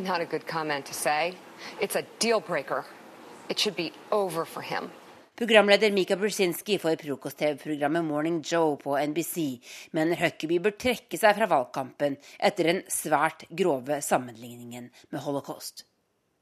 Neste torsdag møtes de ti ledende kandidatene på republikansk side til sin første TV-debatt. Der vil neppe Huckabee få delta, for han ligger svært dårlig an på meningsmålingene. Men kritikken mot president Obama og Iran-avtalen vil trolig hagle. Presidenten holder imidlertid fast ved at de fleste som kan noe om nedrustning og Irans atomprogram, mener avtalen er god. The overwhelming majority of nuclear scientists and non-proliferation experts think it's a good deal. Barack Obama og vår Washington-korrespondent Tove Bjørkås hadde laget eh, reportasjen. Sosiale medier som Instagram endrer motemodellbransjen og gjør at vi får eh, flere modeller i ulike former og fasonger. Det vil skje, tror en av Norges ledende motejournalister. Nå må motebladredaktørene dele makten med såkalte Instagirls, som har millioner av følgere på bildedelingstjenesten. Mom is being so annoying with Blue. She like won't stop complaining I about would be her. annoyed too. You're never home. The dog. I just haven't been home for the past few weeks. Gjennom realityserien Keeping Up With The Kardashians har familien Kardashian fra LA blitt verdenskjendiser uten at de egentlig er kjente for noe annet enn å være rike og pene. Does. It's not fair. It's not fair to do to anyone to let them clean up after your mess every single morning. En av dem er Kendal Jenner, som nå har steget i gradene og blitt en av verdens mest ettertrakta modeller. Og det har hun i stor grad klart gjennom bildedelingstjenesten Instagram. Hi, I'm Kendall. K-E-N-D-A-L-L. J-E-N-N-E-R. Kendall Jenner har jo flere følgere enn en alle Vogue-opplagene i hele verden til sammen. Man skjønner at det ligger, eh, at det er makt der. I den bransjen, hvis det er noe man kan, så er det jo follow the money. Så de skjønner jo det at de må kanskje tilpasse seg eh, det folk vil ha, da, i større grad enn de har gjort tidligere. Det sier motejournalist og kommentator i Dagsavisen Sissel Hoffeng. Kendal Jenner har nemlig over 30 millioner følgere på Instagram, og har i år gått visninger for motegiganter som Chanel og Versace, samtidig som hun er med i reklamekampanjer for Calvin Klein og Fendi. Hoffeng mener Insta-jenter som Jenner og Gigi Hadid mjuker opp kravene til det å være modell. Modellbransjen har jo vært veldig kravstor i forhold til hva man ønsker, hvem det er som kommer gjennom nåløyet. Det har vært vanskelig å bli modell. Du har måttet ha noen helt spesifikke mål for å komme gjennom nåløyet. og og nå trenger du ikke det. For Man ser jo f.eks. flere litt større jenter nå som har gjort det ganske bra. Som eh, Tess Holiday f.eks. Som eh, jo er 1,65 høy og jeg tror veier 127 kilo. Hi, I'm Tess Holiday. I am the first plus size model in the world, my height and size, to be signed to a major agency. Er blitt superpopulær, og hun ville jo aldri ha havnet på i førstesiden av noe magasin eller noen kampanje for eh, 10-15 år siden. Men ikke alle synes det er bare positivt at Insta-jentene inntar catwalken. Donna Joannou er modelljeger og har bl.a. oppdaga den norske toppmodellen Siri Tollerød. Joannou synes det er urettferdig at det blir sett strengere krav til tradisjonelle modeller enn til Insta-jenter som Gigi Hadid. Ja, altså De er jo mer runde i kantene med de, bokstavelig talt. De godtar at hun er fyldigere enn de andre eh, modellene. Og det er jo urettferdig, ikke sant? At uh, hun har jo egentlig ikke de målene som skal til. Hun er større enn det som er vanlig på catwalken. Og hvis det at det skal være godkjent uh, eller godtatt for henne, syns jeg det skulle være godtatt for alle de andre jentene. Det hadde jo gjort min jobb òg veldig mye lettere. Joannou sier det har blitt helt avgjørende å ha en stor fanskare på Instagram for å lykkes som modell. Og dess flere følgere, dess bedre. Du kan være altså, en flott modell eh, eh, nå i dag, men eh, kundene spør med en gang hvor mange Instagram-følgere de har. Det er faktisk blitt sånn at, det, at det, til og med jeg må si til, til mine eh, modeller eh, dere må huske å poste på Instagram. Sissel Hoffeng mener derimot det er positivt at definisjonsmakta nå også ligger hos millioner av Instagram-brukere, og ikke bare hos ei lita gruppe moteredaktører. Jeg vil nesten gå så langt som å kalle de Insta-jentene for pionerer. For jeg syns det er fint at vi får et mer variert eh, motebilde. Og jeg tror flere som, eh, som lar seg inspirere av motebilder og, og liker å se kul styling, syns det er gøy å se noe annet enn bare det samme same old, same old som vi er vant til fra bladene. This is like my career. This is what I want it to be. So I really wanted people to take. Vi hørte Dagsavisens eh, Sissel Hoffeng eh, nest sist i reportasjen til Lars Ivar Nordahl. Høyskolelektor ved Handelshøyskolen BI Cecilie Staude, hvordan er det Instagram klarer å endre maktforholdene i eh, modellbransjen? Jo, Først og fremst så sier jo dette oss at sosiale medier er blitt viktige kanaler for personlig merkevarebygging, og at personligheter med mange følgere i sosiale medier også eh, er blitt viktige markedsføringskanaler. Det betyr jo at eh, inspirasjon til mote og fashion ikke nødvendigvis, som det ble sagt her også, ikke lenger kommer bare fra tradisjonelle ukeblader. Det kommer faktisk rett inn på mobilene våre i rekordfart. Og vi har jo mange personligheter også her i Norge med store følgerskarer i sosiale medier som er blitt attraktive både som modeller og som markedsføringskanaler for produkter og tjenester innen moteverden. Og mange av disse har jo flere følgere enn det tradisjonelle ukeblader har. Og man når jo da ofte bredere ut, når flere mennesker, ved å bruke sånne personligheter som kanaler, fremfor tradisjonelle massemedier. Og du kan si også at bloggere og andre med mange følgere på Instagram eller i andre sosiale medier, de yter også ofte veldig stor respekt blant sine følgere. Og for mange er de også forbilder, og derfor får de stor innflytelse og påvirkningskraft. Og det betyr jo at motebransjen og andre merkevarer kanskje i større grad fremover må nettopp finne seg i, og kanskje til og med like, at makten spres mer til vanlige folk, fordi vi har fått verktøy som gjør det lettere å kommunisere, uavhengig av hva tradisjonelle massemedier finner det for godt til å slå opp i sine spalter. Ja, for Cecilie Staude, dette er jo nettopp det du har forsket på. Er det andre områder i samfunnet hvor de, hvor de gamle bastionene mister makten sin og må se seg slått av av folk flest, eller de som i hvert fall klarer å vinne kampen om oppmerksomheten på sosiale medier? Ja, vi ser det jo nå, altså Dette handler jo ikke bare om motebransjen. Vi ser det i nesten alle bransjer at sosiale medier og personligheter med mange følgere blir eh, attraktive. Vi har jo sommerferie nå. Ta turistnæringen f.eks. Vi vet jo at studier viser at flere og flere av oss deler opplevelser fra feriene våre med hverandre. Vi forteller hvor vi skal spise, hvor vi skal bo, hvor vi skal reise. Og mange velger jo akkurat samme feriemål med tilhørende produkter som vennene sine, med inspirasjon fra sosiale medier. Vi ser det også i politikk politikken. Politikere har jo på få år blitt mye flinkere de til å bruke sosiale medier som supplerende kommunikasjonskanaler. Og dette er jo veldig viktig, særlig for å nå yngre velgere, som ofte befinner seg i helt andre kanaler enn det politikerne tradisjonelt sett har kommunisert i. Og vi vet jo også at mange som følger politikere i sosiale medier, ikke bare gjør det for å holde seg oppdatert om partiets politikk, men også for å holde seg oppdatert om hva venner og kjente mener om politikken til partiet. Og i så måte må også politikere eh, i økende grad fremover finne seg i at makten deles på flere, i den forstand at velgere ofte er minst like interessert i hva andre mener om partiet man kanskje lurer på om man skal gi sin stemme, som det politikerne selv mener. Takk skal du ha, Cecilie Staude, forsker og høyskolelektor ved Handelshøyskolen BI. Her bruker jeg min makt til å si at vi må gå videre i Nyhetsmorgen. Klokken er passert 17 eh, minutter over åtte. Du hører altså på Nyhetsmorgen hvor eh, hovedsaken i dag er at Statoil tjente 10 milliarder kroner mindre i første kvartal i år enn i fjor. Et eh, veldig positivt resultat, sa professor Klaus Moen. Analytikerne trodde skulle bli mye verre pga. de lave oljeprisene. Tyrkisk politi advarer mot terror. I Brussel møtes Nato til hastemøte om situasjonen i landet. Og ubåtvraket som er funnet utenfor Sverige, er russisk, og fra 1916 sannsynligvis. Olavsfestdagene er i gang i Trondheim. Festivalen tar mål av seg til å tilby kunst og kultur som gjør verden større, i forbindelse med feiringen av Olsok som er i morgen. Det er eh, direktøren Petter Myhr som har så høye mål direktør for den festivalen, så ser jeg for meg at min rolle er å symbolsk å stå i kirkedøra og holde den vid åpen. Sånn at de som er inne i kirka, kan gå ut og ta del i alt det fantastiske som finnes utafor. Og så inspirere dem som er utafor, til å gå inn og se hva som er innafor. Det sier Petter Myhr, som er direktør for Olavsfestdagene.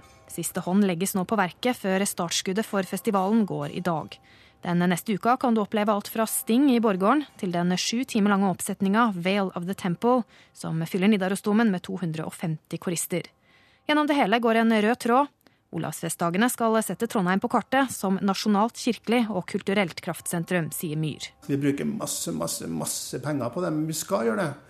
Fordi at vi er en knutepunktinstitusjon, så har vi muskler til å gjøre det. Ellers har det vært umulig. Jeg mener at det er en selvfølge at en by som Trondheim, med de tradisjonene vi har rundt Nidarosdomen, den arven vi har som er tusen år gammel, vi må jo lage en festival knytta til det.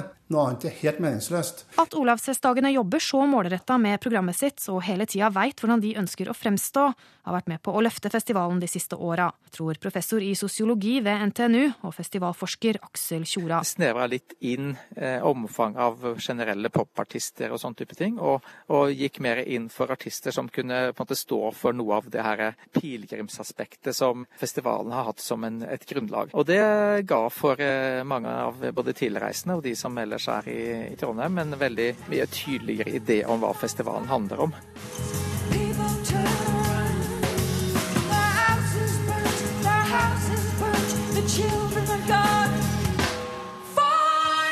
Sist uke kom den skuffende beskjeden om at Sinead O'Connor måtte avlyse pga. Av sykdom. Var det bare for myr og ko å hive seg rundt. Folk vi møtte på gata, har alle funnet ulike ting som fenger dem i årets program. Nå skal jeg på Maria Mena med venner, jeg er student. Så du har noe for en varsmak? Ja, nå har vi jo ferien her ofte nesten hvert år, akkurat i disse, disse dagene da. Men uh, i år er spesielt The Whale of the Temple som vi tenkte vi skulle få med oss. På åpningskonserten i, i Nidarosdomen har alltid vært interessert i, i orgel, så derfor så har jeg lyst til å være med på det der. Konserten med Sting solgte ut i løpet av kort tid. På lørdag står artisten på scenen i Borggården, og det å få nettopp Sting dit er midt i blinken, sier Myhr. Tenkninga rundt vitsen med livet vårt, det er det sånne artister som får, står for i dag. Og vi vil bringe dem hit, for vi skal hjelpe publikum til å tenke over hva slags liv lever vi Kan det være annerledes? Og så skal vi gi rom for handling ved at vi gjennom kunst og kultur kan vise at livet kan være annerledes, og at det skal henge sammen med den idrettsdommen. Vi vil se spiret bak Sting, selv om vi kunne ha tjent masse penger på å lagt det et annet sted.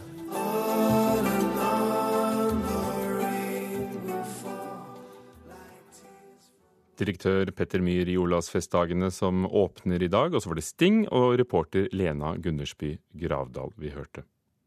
Hver tirsdag i sommer anbefaler NRKs musikkritikere musikk for årstiden. I dag klassisk med Øystein Sandvik. Vi skal holde oss i Skandinavia, faktisk, eh, gjennom hele dette innslaget. Eh, og vi begynner faktisk i Norge. Altså jeg tenker, tenkte at hvorfor gå over bekken etter vann, når vi har så mye fin eh, musikk skapt her i Norge. Og dette skal være sommeranbefalinger, så jeg begynte å tenke sånn Hvilken musikk er det som passer å lytte til om sommeren? Og da er det jo særlig en, en gruppe med musikkstykker som har litt sånn typiske sommerlige titler. 'Sommerfugl', sommeraften. Vi snakker selvfølgelig om Edvard Griegs lyriske stykker. Eh, og så har det seg sånn at det er to veldig flotte pianister som er ute med innspillinger av eh, dette nå. Den ene av dem er eh, den australske pianisten Stephen Huff, som på en, et helt album spiller Griegs lyriske stykker, et utvalg. Et av dem er Notturno.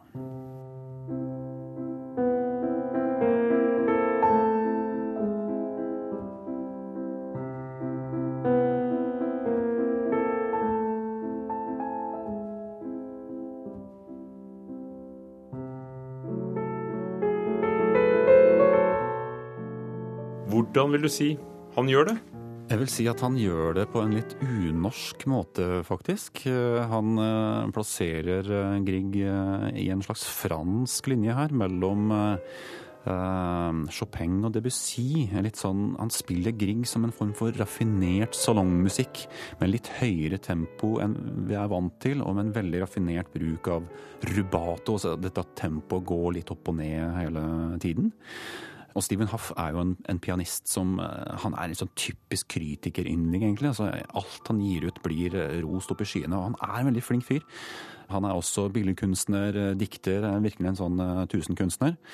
Men det er morsomt å få denne versjonen av Grieg etter at vi har vært vant til at norske pianister kanskje spiller Grieg litt sånn litt høytidelig og ærbødig.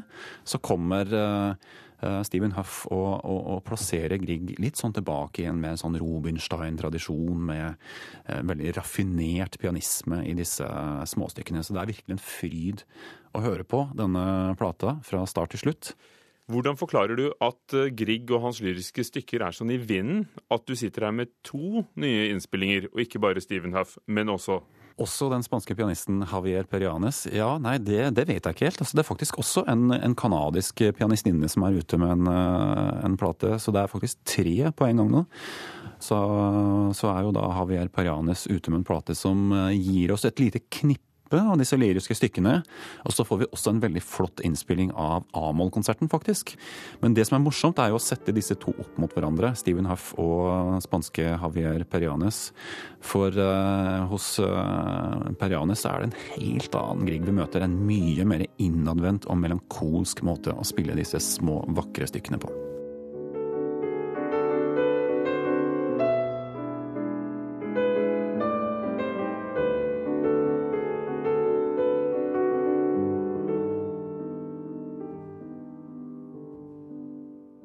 Kan du sette fingeren på hva det er han gjør annerledes? Nei, altså Det mest opplagte er jo å se at, uh, eller høre at tempoet er litt lavere. Dynamikken er litt lavere. Han drømmer seg litt mer bort. Jeg ser for meg han sitter sånn veldig sent på kvelden ved klaveret sitt, lyset er dempa, han virkelig liksom drømmer seg bort uh, i sin egen indre griegske verden. Mens Steven Stephen Huff kanskje spiller mer ut. Han sitter i en salong, han har sine nære venner der. altså Han vil vise frem liksom, de lekre pianistiske detaljene i, i Griegs musikk. Så det er, det er, to veldig forskjellige stemninger. Og hva som er riktig og hva som er feil, er jo selvfølgelig umulig å si. Eh, dette kan spilles på veldig mange forskjellige måter, og det blir jo da til syvende og sist et spørsmål om eh, hva man liker best. Eh, vi skal til Danmark. Der er det jubileum i år. 150 år siden Carl Nielsen ble født. Det skjedde 9.6. Ja, det er Carl Nielsen-år, og det betyr at det er en strøm av eh, utgivelser av også Carl Nielsens musikk eh, på vei. Stockholm-symfonikerne holder på å spille inn. Men eh, det siste som har kommet nå, er en boks med alle seks symfoniene samlet. Hvor det er eh, altså BBC Philharmonic som spiller under sin uh, første gjestedirigent, finske Jon Storgårds.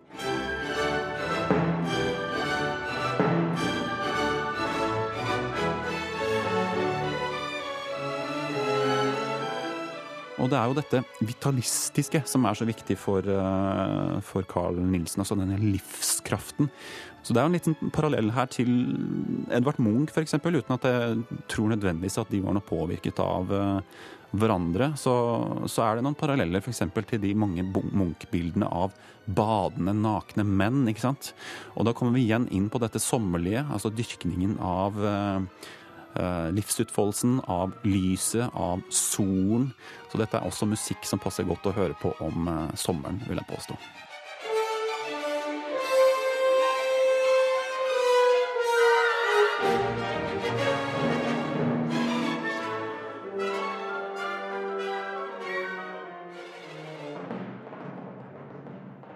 Øystein Sandvik, eh, som bl.a. tok frem BBCs eh, nyinnspilte Carl Nielsen-symfonier, alle sammen, og to utgaver av Edvard Griegs lyriske stykker.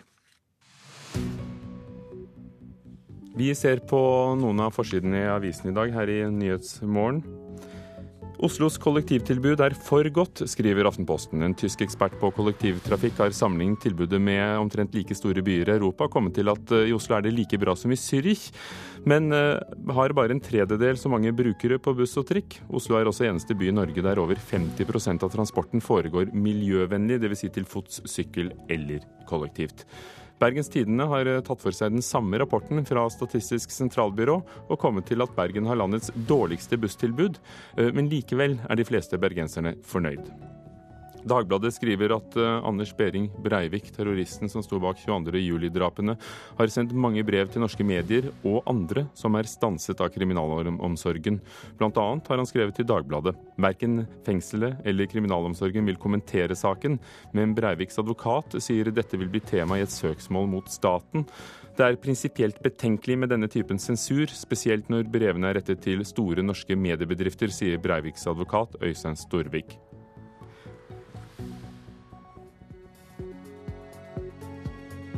Det var eh, noen av overskriftene i eh, dag.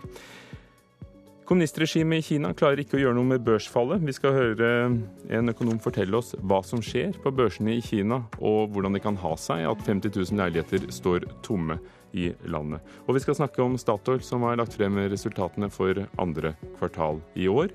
Hvorfor de faktisk er positive, selv om selskapet har tjent 10 milliarder mindre enn på samme tid i fjor.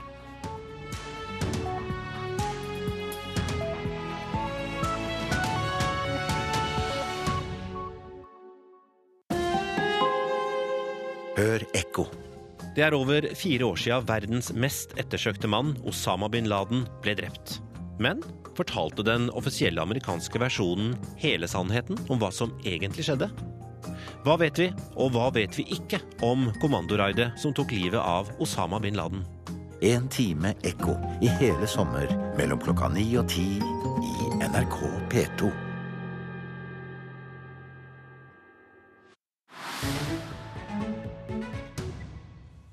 Verdien av aksjene på de kinesiske storbørsene i Shanghai og Shenzhen fortsetter å falle i dag, og ved lunsjtider eh, lokal tid har de gått ned med 1% og det skal vi snakke om her i Nyhetsmorgen. For i går opplevde Kina den største enkeltstående nedgangen på åtte år på børsene sine. Pål Ringholm, analysesjef i Swedbank, hva sier tallene deg?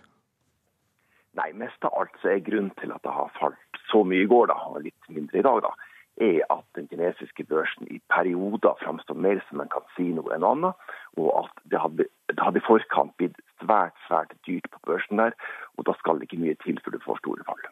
Så dette er egentlig et eh, riktigere nivå da, på prisen av aksjene i Kina? Ja, det er fortsatt dyrt, så det burde falle vesentlig mer. Men myndighetene er bekymra for det som skjer, så de har satt i gang en rekke tiltak for å prøve å forhindre et videre fall. Ja, Hva er det regjeringen uh, har gjort? Eh, vel, I forhold til aksjemarkedet så har de bl.a. forbudt å selge aksjer du ikke har, såkalt shortsalg. Og de har eh, hindra sentrale aktører å selge sine aksjer, og pluss en rekke andre tiltak. Eh, du sier til Dagens Næringsliv i dag at du ikke har noen tro på at kommunistregimet vil klare å løse krisen med, med nettopp disse tiltakene. Fortell oss hvorfor. Vel, den, den, den, reelle krisen, det reelle problemet i Kina er ikke så mye aksjemarkedet, men det er det, det, er det som ligger bak. Og Det er, en, det er en, den største gjeldsoppbyggingen, den største gjeldsbobla vi har sett i, eh, i, moderne tider. Sånn at Jeg har ikke noe kritikk som sådan av, av, av, eh, av myndighetene i Beijing. Det er bare historiske erfaringer er uansett styresett, så det er ingen som har klart å lande trygt på begge beina etter å ha hatt en så lang og vedvarende økning av gjelda i et samfunn. Og, og, det at det er så belånt, hvordan viser det seg, eh, bortsett fra børsene, i andre deler av samfunnet? Ja, da kan vi jo se på det der man har brukt mest penger i Kina, er å investere i eiendom. Og Ser vi på leiligheter i urbane strøk i Kina, så har vi god grunn til å tro at eksempelvis står det i underkant av 50 millioner leiligheter tomme, fordi at man har investert i det her i håp om at verdiene skal øke enda mer. Sa du 50 millioner leiligheter, altså? Ja, jeg sa det. Tallet er 49 millioner, skal være helt nøyaktig, men eh, vi kan runde av til 50. Ja, for Jeg sa 50 000 i sted, fordi jeg klarte nesten ikke å tro at det var så, så stort tall. Eh, hva vil skje nå, tror du, som analysesjef i Swedbank, Pål Ringholm? Altså Beijing har eh, grovt sett to alternativer. Det ene er å konfrontere økonomien relativt snart. Eh, noe som medfører at veksten går ganske kraftig ned. Du får en klassisk nedtur. Men så eh, kan man fortsette igjen den lange økonomiske ferden mot, mot å bli verdens supermakt deretter. Det andre de kan gjøre, men som de ikke bør gjøre, men som de hittil har gjort, det er å fortsette å øke kreditten i samfunnet. Da kan du holde økonomien flytende et par år til, men da blir sprekken mye større og mye mer skremmende. Takk skal du ha, Pål Ringholm. Fra Kinas økonomi til Statoils eh, kvartalstall. Statoil gjorde det svakere i årets andre kvartal enn i samme periode i fjor. Det viser resultatene som ble lagt frem eh, nå i morges. Økonomireporter Kent Amar Eriksen, hva viser Statoils tall? Ja, Konsernsjef Eldar Sætre i Statoil har akkurat nå straks ferdig med å levere tallene, og han kunne presentere et driftsresultat på 22,4 milliarder kroner for årets andre kvartal. Det er nesten 10 milliarder lavere enn samme periode i fjor. Eh, resultatet etter skatt, også viktig å ha med seg, 10,1 milliarder kroner, ned 12 milliarder på samme periode i fjor. Det er altså svakere enn i fjor, og hvordan forklarer selskapet det? Det har noe med oljeprisen å gjøre. Eh, siste året har oljeprisene gått ned fra litt over 100 dollar fatet til 50 dollar, litt over 50 dollar fatet. Det er den største grunnen. Vi hørte tidligere i Nyhetsmorgen eh, professor i petroleumsøkonomi ved Universitetet i Stavanger, Klaus Moen, si at dette var veldig gode tall. Han var veldig positivt overrasket. Hvordan går det an? Det går an på den måten at eh, de siste dagene nå så har alle analytikerne som følger Statoil, sagt sin mening om hva de trodde om tallene. De trodde at det kom til å gå enda verre med Statoil enn det det har gjort. Siden det gikk da litt bedre, så er det positivt. Eh, men hva sier markedet? Markedet sa at de forventa et resultat på 19 13,5 milliarder kroner. Da. Hvis du tenker at det ble 22,4 da, så er det noen milliarder opp. Og da er det positivt. Um, når vil det eventuelt slå ut på børsverdien av Statoil? Det blir spennende å se. Børsen har ikke åpna ennå, eh, men eh, vi får nok se noen resultater av det her etterpå. Takk skal du ha, Kent Amar Eriksen.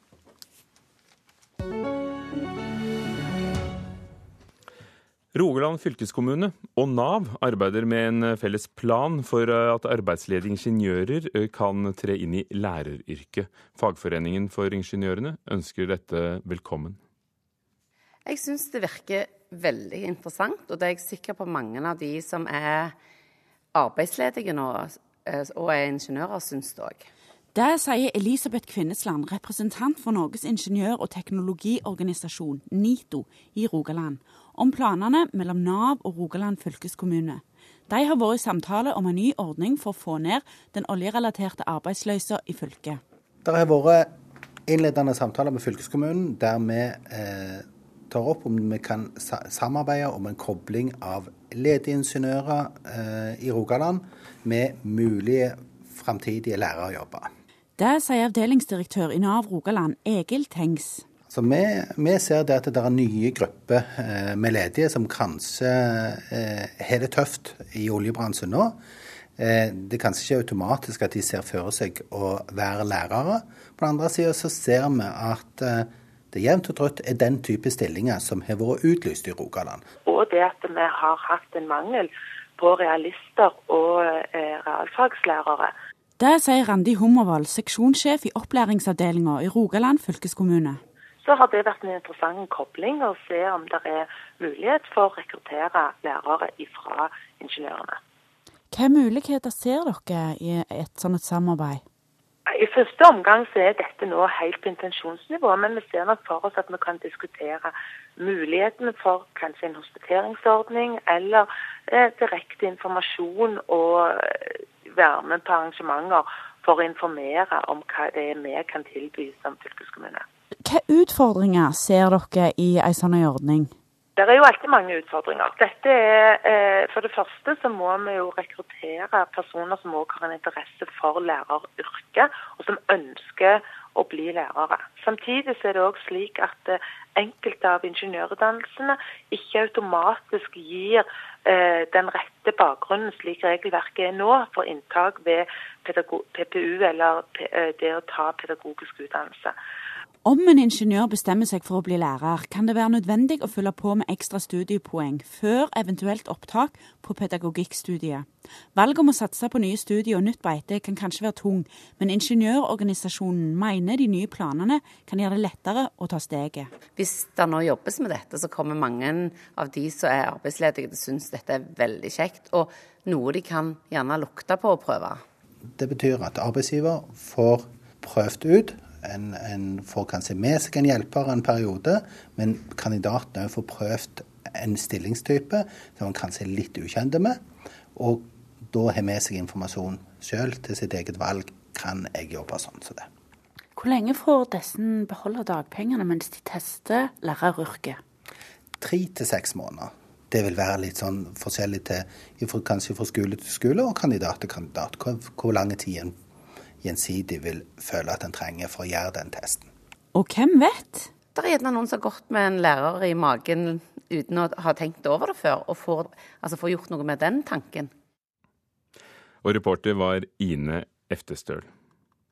En ansatt ved et psykiatrisk senter i Østfold risikerer å få reaksjon fra Statens helsetilsyn fordi hun ba pasienten om å kjøpe amfetamin for seg. Den ansatte skal ha vært vikar ved institusjonen da hun, med en tekstmelding, ba pasienten om hjelp til å skaffe rusmidler. Det var på nyåret det psykiatriske senteret sendte bekymringsmelding til Fylkesmannen, og det etter å ha fått kjennskap til SMS-utvekslingen mellom en pasient og en av de ansatte på senteret. I meldingene spør den ansatte først om hjelp til å skaffe rusmidler, og ender til slutt med å be pasienten kjøpe amfetamin. Saken er nå oversendt Helsetilsynet, forteller fylkeslegen i Østfold, Elisabeth Markus. Det er sånn at eh, det er Helsetilsynet som skal vurdere grunnlag for eh, om det er eh, behov for reaksjoner mot helsepersonell. At en ansatt skal ha bedt en pasient om å skaffe rusmidler, hvordan vurderer dere det? Ja, Det ser jo i utgangspunktet på som svært alvorlig. Det er eh, ikke forenlig med eh, profesjonell yrkesutøvelse å gå inn i sånne personlige relasjoner, i hvert fall ikke med det formålet. Den ansatte på sin side mener meldingene kun var en test for å se om pasienten var rusfri. Den ansatte mener dessuten at det har vært flere meldinger som bekrefter dette, meldinger som pasienten har slettet. Men ifølge tilsynssaken er dette en forklaring fylkesmannen opplever som konstruert. Nå er det altså opp til Helsetilsynet å vurdere reaksjon mot den ansatte. Sa reporter Heidi Gomnes. Vi skal holde oss innen helsevesenet. Sørlandet sykehus får kritikk etter at et spedbarn døde ved barselposten på kvinneklinikken i Kristiansand. Helsemyndighetene mener årsaken til dødsfallet var mangel på næring, dvs. Si at barnet sultet i hjel. Fylkeslege i Vest-Agder, Geir Stangeland, har hatt full gjennomgang av dødsfallet, som skjedde for rundt ett år siden. Vi har sett på rutiner som ble fulgt eh, både i fødselen og etter fødselen. Og da fant vi at det er to ting som sviktet. Eh, for det første var det det at barnet eh, hadde ganske lav kroppstemperatur ganske kort tid etter fødselen. Og det er noe som kan igjen føre til at de får lavt blodsukker, altså tegn på lav ernæring i kroppen. Og da er det grunn til å følge et slikt barn ekstra. Barnet var heller ikke særlig stort. Og det vi har kritisert dem for, det er at eh, de ikke har fulgt opp eh, verken blodsukkermåling, og de har slett ikke fulgt opp et eh, måltidsernæringsopplegg for dette barnet, slik at det gikk veldig mange timer uten at barnet fikk ernæring. Og Det er i seg selv kritikkverdig. Skal det egentlig være mulig at et barn ikke får i seg nok næring på et sykehus? Nei, dette er det som er del av hensikten med en barseloppfølging. At man skal se at eh, mor og barn får ernæringen i gang. Og dersom ikke mor har melk, så, så eh, ernærer man barnet på annen måte. Eller i hvert fall følger med på barnet hyppigere for å se at barnet har det godt. Og assisterende klinikksjef ved kirurgisk avdeling Siv Ostermann sier sykehuset vil vurdere hvilke rutiner som skal endres for at slikt ikke skal gjenta seg. Vi hørte altså fylkeslegen i Vest-Agder Geir Stangeland, intervjuet av Terje Sellevold. Klokken er kvart på ni, du hører på Nyhetsmorgen i NRK. Blant hovedsakene i dag. Statoil tjente 10 milliarder kroner mindre i første kvartal i år enn i fjor. Analytikeren er positivt overrasket. Tyrkias kamp mot terrororganisasjonen IS og den kurdiske geriljaen PKK er tema når Natos medlemmer møtes i hastemøte i Brussel i dag. Og ubåtvraket som er funnet utenfor Sverige, stammer sannsynligvis fra 1916 og er russisk. Dette skal vi høre mer om litt senere i Nyhetsmorgen. Da 18 år gamle Julia Sandstø fra Vestby dro på utveksling til USA, ble året ikke slik hun hadde ventet seg. Julia Sandstø opplevde at vertsfamilien både mobbet henne, og at hun måtte forholde seg til rigide regler, og at andre barn i huset ble slått. Faren eh, brukte vold mot sønnen sin, så det våknet jeg ganske ofte av. At han banket opp sønnen sin. Kunne ikke ta med vann på rommet, um, kunne ikke spise sammen med dem i stua. Og de sa slike ting som at uh, vi angrer på at vi lot deg komme hit, og du har ødelagt familien vår, osv. Utvekslingsåret ble ikke som forventet. I fjor høst dro Julia fra Vestby til Michigan i USA gjennom den norske arrangøren Explorius, som hun mener ikke tok ansvar da problemene oppsto. Ja, vi er jo egentlig veldig Vi er veldig lei oss for at, at hun har følt det på den måten. Sier Nina Slupphaug i Explorius, som deler ansvaret med en lokal underorganisasjon i USA. Hvis en student ikke trives i sin vertsfamilie, så er det den lokale organisasjonen som har ansvaret for å finne en ny vertsfamilie. Det er ikke forsvarlig at eh, det er så ansvarsfraskrivelse. Det er liksom De skylder på nei, underorganisasjonen skal eh, gjøre det, og så sier underorganisasjonen at Explorer skal gjøre det. Og, og ingen støtter egentlig eleven som drar dit, og føler seg helt alene. Rundt 1800 norske elever drar på utveksling hvert år. Mens Julia ventet på at organisasjonen skulle løse problemet med vertsfamilien, brøt hun til slutt sammen. Det var en gang jeg falt sammen på skolen og snakket med moren min. Og da kom eh, rektoren forbi. Rektoren lot Julia bli boende hos seg resten av oppholdet. Slupphaug sier at alle deres vertsfamilier blir bakgrunnssjekket med politiattest, referanser og intervjuer. Jeg har jo sett alle mailene som har gått mellom henne og hennes kontaktperson her på kontoret i Norge. Det har jo blitt gitt ganske uttrykkelig uttrykk for at hun er der for å støtte Julia. Så det at hun fortsetter å oppleve at hun står uten oss i ryggen, det syns vi er kjempeleit. Og reportere her var eh, Martin Holvik, som vi hørte i reportasjen, Emra Senel og Kirsti Haga Honningsøy. ANSA er organisasjonen for eh, de norske studentene i utlandet, også utvekslingselevene. Eh, president Madeleine Mowinckel, er dette en enestående historie vi hørte her? Det er veldig leit å høre om slike historier. Um, og, altså, Hører du flere av dem? Vi hører noen, men det er nok ikke mer enn én alvorlig sak i året. Akkurat når det gjelder disse utvekslingsorganisasjonene. Eh, men fordi det skjer, så har vi jo likevel opprettet et sett med etiske retningslinjer som vi ønsker at disse utvekslingsagentene, som vi kaller det, da, skal følge. Og hva går de ut på? De går ut på at eh, de gir godt, godt, med informasjon, både om tilbudet de gir, om hva slags godkjenning man får når man kommer tilbake, men også hvilke tilbud man ikke snakker om, og måte, at agentene representerer visse skoler, f.eks.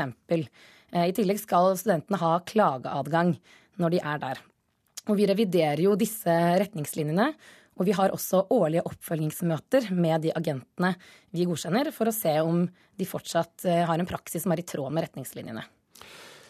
Du sier dere får rapport om ett alvorlig tilfelle i året, men når vi har snakket med folk eh, rundt oss, uten at det er statistikk på det, så hører vi flere historier om studenter som har måttet få byttet vertsfamilie i løpet av året pga. lignende tilfeller av det vi eh, hørte om her. Altså behandlet dårlig, andre barn i familien blir slått.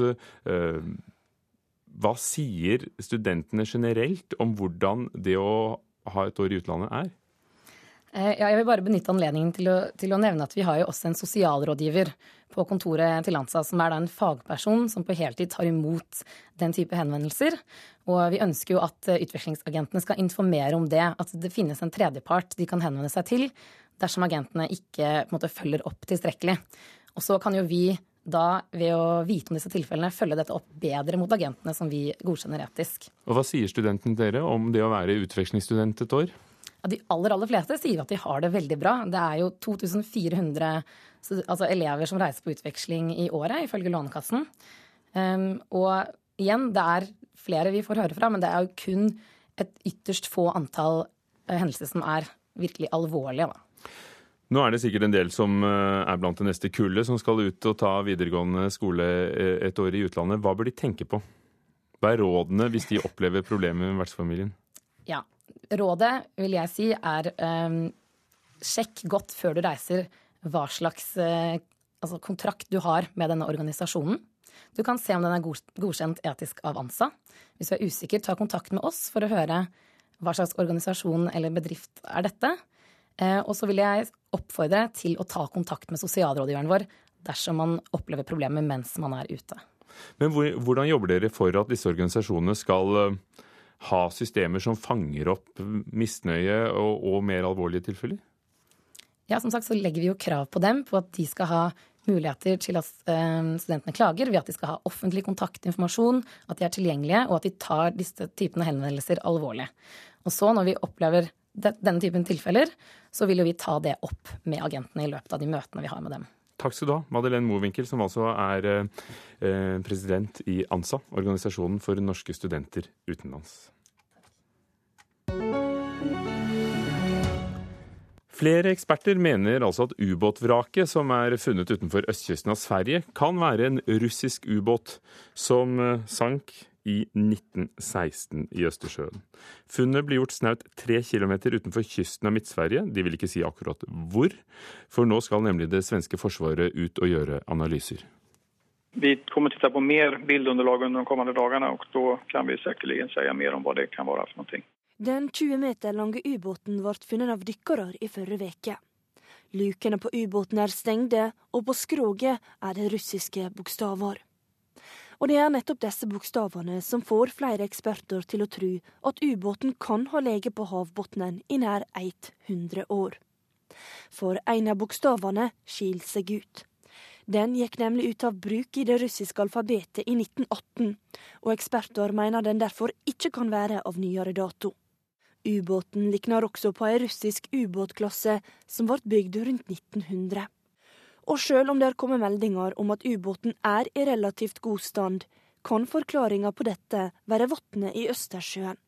Ei blanding mellom ferskvann og saltvann som kan ha gjort mindre slitasje på skroget. Hvor lenge ubåten har ligget der, er avgjørende for hvor viktig funnet er, sier Thomas Riis, forsker ved det svenske forsvarets høgskole. Jo, det har en enorm roll. Om det er fra første eller andre verdenskriget, så da er det her av fremst historisk intresse. Om det her er fra kalde kriget, alltså 80-talet när Sverige jager ubåtene intensivt, då er det litt pikantere. Da bekrefter det da enda en gang at, at det hender saker. Men om det er noe uh, som, som har hendt de seneste 15 årene, då er det politisk mye mye känsligt. For da er det den nåværende ryska regimen som, som er involvert i det. Med den intense ubåtjakta ferskt i minne, blir det også spekulert i om ubåten kan være den samme som ble observert i den svenske skjærgården i fjor. Dennis Aasberg i selskapet Ocean X Team var en av de som fant ubåten. Han sier at de ønsker å samarbeide med Forsvaret for å få svar. Vårt mål er givetvis at vi skal kunne ha et samarbeid med marinen når det gjelder disse sakene. Vi er angelägna, både vi og dem, å ta reda på hva det er for noe vi har funnet. Nasjonalitet etc. Og reporter her var Marte Halsør og Annika Digreus i Sveriges Radio om ubåten som ligger på bunnen. Nå sport. Vålerenga, fotballaget altså, klatret opp på andreplass i Eliteserien etter at de vant 2-0 over Lillestrøm i går. Både spillere og trenere tror at de kan få en medalje, kanskje til og med gull. Vi er absolutt med i toppkampen, og med den stallen vi har, så tror jeg vi kan være med videre og kjempe. Hva mener du med det? Gull eller medalje? Nei, altså, Vi tar kamp for kamp, og vi vet vi kan vinne hver kamp, så du vet aldri. Det blir vanskelig med gull, men selvfølgelig går vi for det. nå som jeg er seks poeng bak. Det sa gårsdagens målskårer Alexander Mathisen. Også Vålerenga-trener Kjetil Rekdal tror det er mulig å hente inn de seks poengene Rosenborg ligger foran. Det er seks poeng, og det er klart de skal ikke gjøre mye rot for at de kan få press på seg. Så den lever jo, men som jeg sa, da, vi er mer fokus på nå er det Stabæk. Vi er ett poeng foran dem.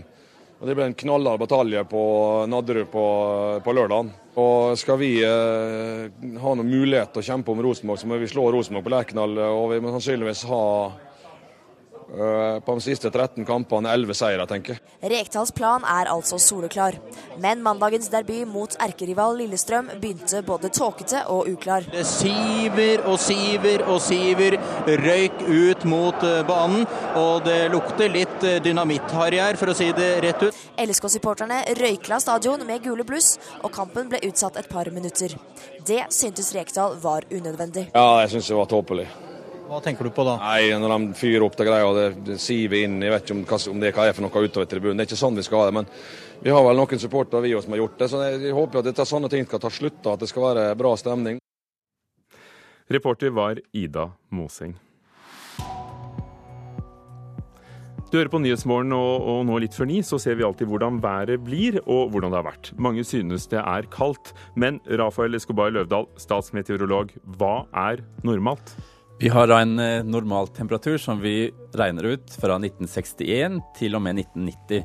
Og det er den vi liksom baserer oss på nå. Er det da kaldt? Ja, vi kan jo se hvordan det var. da. Altså I Oslo-Blindern så er normaltemperaturen 16,4 grader for juli. Og til nå i juli så ligger det på 16,3, så det er ganske vanlig i forhold til den normalen fra 1960 til 1990. Mens i fjor så var det hele 20,8 grader i juli. Så steget dit er ganske langt. For det er kanskje problemet når folk irriterer seg, at de husker fjoråret? Ikke sant, man husker fjoråret. Og det samme gjelder Bergen. I fjor der så var det 19 grader i norm eh, normal for juli. Eh, nei, beklager, mild temperatur for juli. Mens normalen her er 14,3, og det ligger an til nå også at det ligger omkring 14,3. Så den er ganske normal. I Trondheim var det i fjor 19,1, mens i år så er det mer enn normalt til 13,5, og det pleier å være 13,7. Tromsø, her er det under normalen i år. Det er nå 10,9. Normalt er 11,7, mens i fjor så var det hele 15,1. Så alle de tre største byene hadde jo da betydelig varmere juli i fjor. Blir det en vakker sommerdag et eller annet sted i dag? Tromsø ser ut til å få en sommerdag i dag med 20 grader. Det blir minkende vind både i Troms og i Finnmark, også avtagende nedbør. og Det blir nok en god del sol, men en og annen byge kan nok gå inne på vidda. I Nordland, også her minkende vind. Den sørvestlige kulingen gir seg nå gradvis, også det spredte regnet. Så i ettermiddag blir det en skiftende bris, opphold en god del sol. Temperaturmessig 15 til en 20 grader. Trøndelag og Møre og, Trøndelag og, Møre og Romsdal, eh, minkende vind også her. I ettermiddag får vi en sør-vest, eh, skiftende bris og eh, noe solgløtt innimellom regnbygene. På Vestlandet blir det en dag med nordlig frisk bris utsatte steder. Det er skyet og noen regnbyger i Rogaland, og dette trekker videre nordover i løpet av dagen. Fjellet i Sør-Norge, østlig bris, noe byger sør for Finse, og senere også nord for Finse. Mens østafjells her blir det en dag med nordøst, frisk bris på kysten. skyet og regnbyger. Men vi må jo snakke litt om morgendagen også, når vi først er her. Kom igjen, hvordan For- blir det mot normalt? Ja, det blir ikke så normalt i morgen. Det gjelder da Sør-Norge sin del. Og det er mellom Mandal og Oslo så ser det ut til å bli en dag med lokalt kraftige byger og tordenvær. Så det gjelder å passe på taklukene sine og være litt forberedt på styrtregn i morgen stedvis i Sør-Norge. Andre steder de må se opp, eller er det først og fremst der? Det er først og fremst her. Takk skal du ha, Rafael Escobar Løvdahl. Dette var Nyhetsmorgen, ansvarlig for nyhetssendingene i NRK i dag. Elin Pettersen, produsent Tonje Grimstad, teknisk ansvarlig Hilde Tosterud, programleder Ugo Fermariello. Du kan alltid høre oss på radio.nrk.no, og de nærmeste to timene i reprise på Alltid nyheter. Takk for i dag.